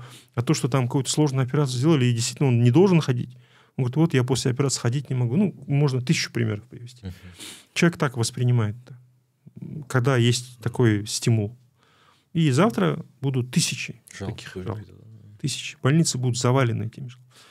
Облздрава, и если облздрав будет заниматься, там, соответственно, если там с 10 больниц туда поступит, там, условно, 10 тысяч будет, да? Жұмыс тоқтайды ғой, жұмыс тоқтайды. А, Все будут заниматься этими разборками. Мгм. Теперь страховые компании будут делать все, чтобы не платить. У них есть четкая модель. Столько-то собрали, столько-то заплатили, столько-то себе оставили. Соответственно, они будут стараться не платить. И вот эти тысячи там людей, которые э, пол- не получат, что они? Они пойдут в суд. Сегодня они даже бы и не знали об этом. И они бы и не думали, что у них какие-то пос... А завтра они пойдут в суд. Даже те, кто получили аз деп па? аз деп олар да ертең сотқа барады. Себебі заң бойынша конституция бойынша ондай құқықтары бар. Мысалы үш миллион алды бірақ менің ойымша мен жүз миллион алуым қажет. Мысалы апелляция. иә осы операциядан кейін мысалы туыстарымыз қайтыс болды немесе өзім мүгедек болып қалдым. Әрине ол үш миллионға жатпайды ғой. Балалары бар и так далее. Бәрі түсінікті. Ол сот арқылы гражданский иск береді. Сонда не үшін енді әрине ондай мүмкіндік болу керек. Оны ешкім айтып жатқан жоқ жаңағы сот арқылы. Бірақ жаңағы жалпы жаңағыдай сондай халықтың саны қанша рет кө- көбейетінін ешкім білмейді. сонда бәрі содан кейін жаңағы жалобын барады ертең бәрі сотқа барады. Сонда біздің жұмысымыз тоқтайды. Біз ары қарай жұмыс істей береміз бірақ күнделікті сен комиссияға шақырып отырса не істейсің? Иә концентрация кетеді. Басқа пациенттерге де зиян деуі мүмкін. Поэтому мына менің ойымша жаңағы осы заң жобасы ешқандай қазір асықтыру қажет жоқ асығыс жоқ. Нет такой необходимости торопиться с этим законопроектом. То есть там нужно вопросы разобрать в целом вот, ущерба вины еще раз посмотреть гражданский кодекс уголовный кодекс и комплексно подойти к этому решению а не так как просто какая-то схема а, финансовая там для страховых компаний последствия просчитать это может быть большой социальный взрыв поскольку люди ожидают э, каких-то позитивных изменений каких-то возможностей действительно многие имеют право на такую компенсацию я ничего не говорю и имеют право и, э, естественно, э, врач не в состоянии выплатить. Мы говорим, он имеет право на ошибку, и в случае, если такая ошибка произойдет, или мы говорим инцидент, надо вообще нам Да. самим өзіміз Медицинский ошибкадан тоқтатуымыз керек ошибка медицинский ошибка дейміз хотя медицинский инцидент болып қалса әрине ә, осындай азаматтарға ә, мемлекет тарапынан немесе жаңағы сақтандыру компаниядан енді мемлекеттің шешімі ғой сондай материалдық қолдау қажет. Бірақ оны дұрыстап ә, асықпай енді саралап иә, зерттеп қабылдау қажет. Қазақта сөз бар ыыы ауырып ем іздегенше ауырмайтын жол ізде дейді ыыы осы жолдардың бірі ол вакцинациялау. Қазір осы астанада басқа да қалаларда көріп отырмыз. Ыыы қызылша ауруы күрт күшейіп кетті. Даже ыыы осы ауырғандардың сандарының халық санына шаққан кезде қазақстан бірінші орында тұр. Осы қызылша дерті бойынша. И осының салдары яғни антиваксерлер өте көбейіп кетті. Ыыы ол жерде ыыы соңында былай жұмыс істейтін ол ыыы учаскелік дәрігер. Вакцина ал вакцина ал деп барлық ата анасына осы жерде біз жаңа бері айтып отырмыз ғой средства массовой информации осының рөлі яғни симбиоз ыыы осы именно басқа да организациялардың осы вакцинациялаудағы рөлін айтып кетсеңіз маңыздылығын енді мен ә, біріншіден ә, осы проблема мәселе ол ә, антиваксердің арқасында емес деп ойлаймын. Антиваксерлар бар әрине олар жаман әсер етеді. Бірақ ә, бұрынғы замандарды алсақ әрине көп адам оны түсінбейді сенбейді ә, бас тартады. Қарапайым халық сондай. Ауыл жері болса қала жері болса да антиваксер бар ма жоқ па олар он рет ойлайды. Маған қажет пе балама? Қандай ә, не қауіптар болады дегендей. Сонымен ол әрине біріншіден ә, өзіміздің жаңағы қоғамдық денсаулық қорғау ұйымдардың жұмысы жергілікті ә, мемлекеттің жұмысы деп ойлаймын. Оның себебі бәрі сол жергілікті әкімшілікке қарайды ғой. А, менің ойымша сол әкімшіліктің негізгі рөлі қазіргі күнде халықтың денсаулық сақтау қорғау. Больница соғу емес дәрі дәрмек сатып алу емес врачтар жұмысқа алу емес. Жергілікті билік сол ә, гигиена мәселелерін ә, жаңағы вакцинация мәселелерін аурулардың ә, профилактикасын сонымен айналысу қажет. Сонымен әрине вакцинация соған- соның жұмысына кіреді. Менің ойымша қазіргі жаңағы ыыы қызылша басқа да аурулардың ең негізгі себебі ол әрине өтірік вакцинация. Себебі жаңағы бас тартқан адамдар көп бірақ олар келеді поликлиникада анау қыздардан сұрайды. Маған олар енді оларда отчет қой. Врачтарды қысады Иә. басшылар. Маған жүз пайыз тоқсан пайыз істеңдер дейді. Олар қорқады. Содан кейін анау халықтар келеді олар дайын емес ол- олармен ешкім жұмыс жасаған жоқ түсініктіру жұмыс жасаған жоқ ешкім. Оған уақыт жоқ ол келіп отыр 5 минут 15 минут приемға. Соның бәрін айтып отырса да көндіреді ма көндірмейді ма? И жарайды кел жасадым деп ә, істеп береді. Болды. Сонымен статистика бойынша вакцинацияның деңгейі жоғары бірақ яғни статистика бойынша аурудың жағдайы өте жоғары. Сонымен оны шынын ашық анық айту керек. Сондай өтірік вакцинация көп. Оны бір мәселемен шешу мүмкін. Ол электрондық ақпараттық жүйелермен цифровизация дейміз. Арнайы модульдерді құрып ар- арнайы бақылауға алып сол ковид кезінде сондай даже камера қойғызып істеттік қой. Ә, сөйтіп ә, біздің мемлекетіміз қолға алу керек. Себебі вакцинациясыз нәтижесі болмайды. Сонымен ойым сол. Ә, енді қорытындылайық. Елжан амантаевич ә, сіздің енді жастарға жас дәрігерлерге жас резиденттерге немесе келешекте осы медицина саласында администрация менеджмент саласына баратын ә, дәрігерлерге ақыл кеңесіңіз айтып жіберсеңіз. Мотивационный болса да. Енді ә, тек қана менеджментке емес жалпы басқа да салаларға айтайын. Мен өзім ә, жас маман болғанда мен жас практикалық дәрігер болдым. Анестезиолог болдым токсиколог болдым. Сонымен жас кезімде мен яғни врач болдым да. Одан кейін мен ә, менеджер болып кеттім. Ә, сонымен ә, біріншіден әрине ә, мен әрқашан да айтатыным сол ә, әр күнде мүмкіндікті пайдаланып ә, оқу керек. Жаңағы журналдарды оқу керек ағылшын тілінде. Қазір рахат біз кезімізде ондай журнал жоқ. Оны ағылшын тілетін білетін ә, дәрігерлер аз. Ә, оқи алмайды тек қана орысша оқимыз. Ал қазір гуглға кіргізесің ағылшын болсын қытай тілі болсын моментально аударып береді. Иә. Пожалуйста оқы доступно әр науқасты қабылдайсың сонда сұрақтарың болса ертең бар да бір бес он минут оқып шық дегендей. Сонымен ә, сол соңғы мынандай ә, ғылыми зерттеу журналдарда өте керемет керемет статьялар обзорный статьялар болды. Соның бәрін оқу қажет. Себебі жаңағы шетелдік америкалық дәрігерлерден айырмашылығымыз көп емес. Ә, бәріміз өзіміздің профессиямызды жақсы көреміз патриотпыз. Бірақ қосымша сондай ә, бүгінгі күндегі білім ә, күнделікте соны алып оқу ә, оқу қажет. Сонымен жақсы дәрігер болу үшін ол біріншіден соны оқу керек. Ал екіншіден әрине ә, жас болғаннан кейін ә, өзің ә, профессияға қатты ә, енді сеніп сүю қажет енді әрине мен әрқашан да айтамын медицинаға жай адамдар бармайды. Енді кейбір жағдайда болады әке шешелер айтып бар дәрігер бол бірақ алты жылдан кейін қиын оқудан кейін одан кейін интернатурадан кейін тек қана осы өзінің мамандығын жақсы сүйетін азаматтар қалады. Соны қиындықтан шаршамай біздің енді еліміздегі дамып бара жатқан елімізде әлі болашағы зор деп сенемін. Медицина салада да менің ойымша ә, даму курсы өте дұрыс жақсы. Соған сену қажет. Оған қатысу керек. Жаңағы қоғамдық ұйымдарға қатысу керек. Жаңағы айтқан цеховая культура дейміз. Бір бірімен араласып бір бірімізді қолдауымыз керек. Жас мамандар болсын. Әрине жасың келгеннен кейін тәжірибең мол болғаннан кейін сол кезде жақсы дәрігерлер керемет дәрігерлердің айырмашылығы не? Жақсы дәрігер көп біледі тәжірибесі мол білімі мол. Бірақ керемет дәрігерлер өзінің білімін жас дәрігерлерге береді. Куратор болады наставник болады. Қазір сол көп резиденттер соны айтады. Біз аурухана келеміз бізбен ешкім жұмыс істемейді бізге ешкімге қажет жоқ біз жүреміз сандалып дегендей. Ол дұрыс емес сол өздерің сондай тәжірибелі дәрігер болғаннан кейін тек қана өзінің статусын ойламай ыыы уақытына қарамай сол жас иә? жас мамандарға қолдау көрсету қажет. Себебі өздерімізде сондай болғанбыз. Бірақ біздің медицинада сондай бір бірімізге білім беру деген өте маңызды. Сен сол білім бергеннен кейін өзің өзіңе кәсіби жауапкершілігін көтереді. Бүгін жай практикалық көмек беріп жүрсің. Ертең лекция оқисың. Әр лекция оқығаннан кейін оны дайындалу керек. Барып тағы да азанда түнде бәрін оқып шығу керек. Қандай қандай статьялар бар. Ал одан кейін одан кейін сұрақтар болса где то жиырма жыл 15 жылдан кейін ә, сұрақтар қалса онда ғылыми зерттеу жұмыспен айналысу керек. А, ол да өте керемет ә, өзінің әр адамның интеллектуалдық кәсіби дамуына әсер етеді сонымен ә, сөйтіп сөйтіп жас дәрігер енді қартайған дәрігерлер болып қалады. Уақыт өтіп уақыт өтіп иә. Интеллигентная элитаға ұмтылу керек. Иә. иә. Наука это круто. Наука это круто. Только наука это дает истинное удовольствие.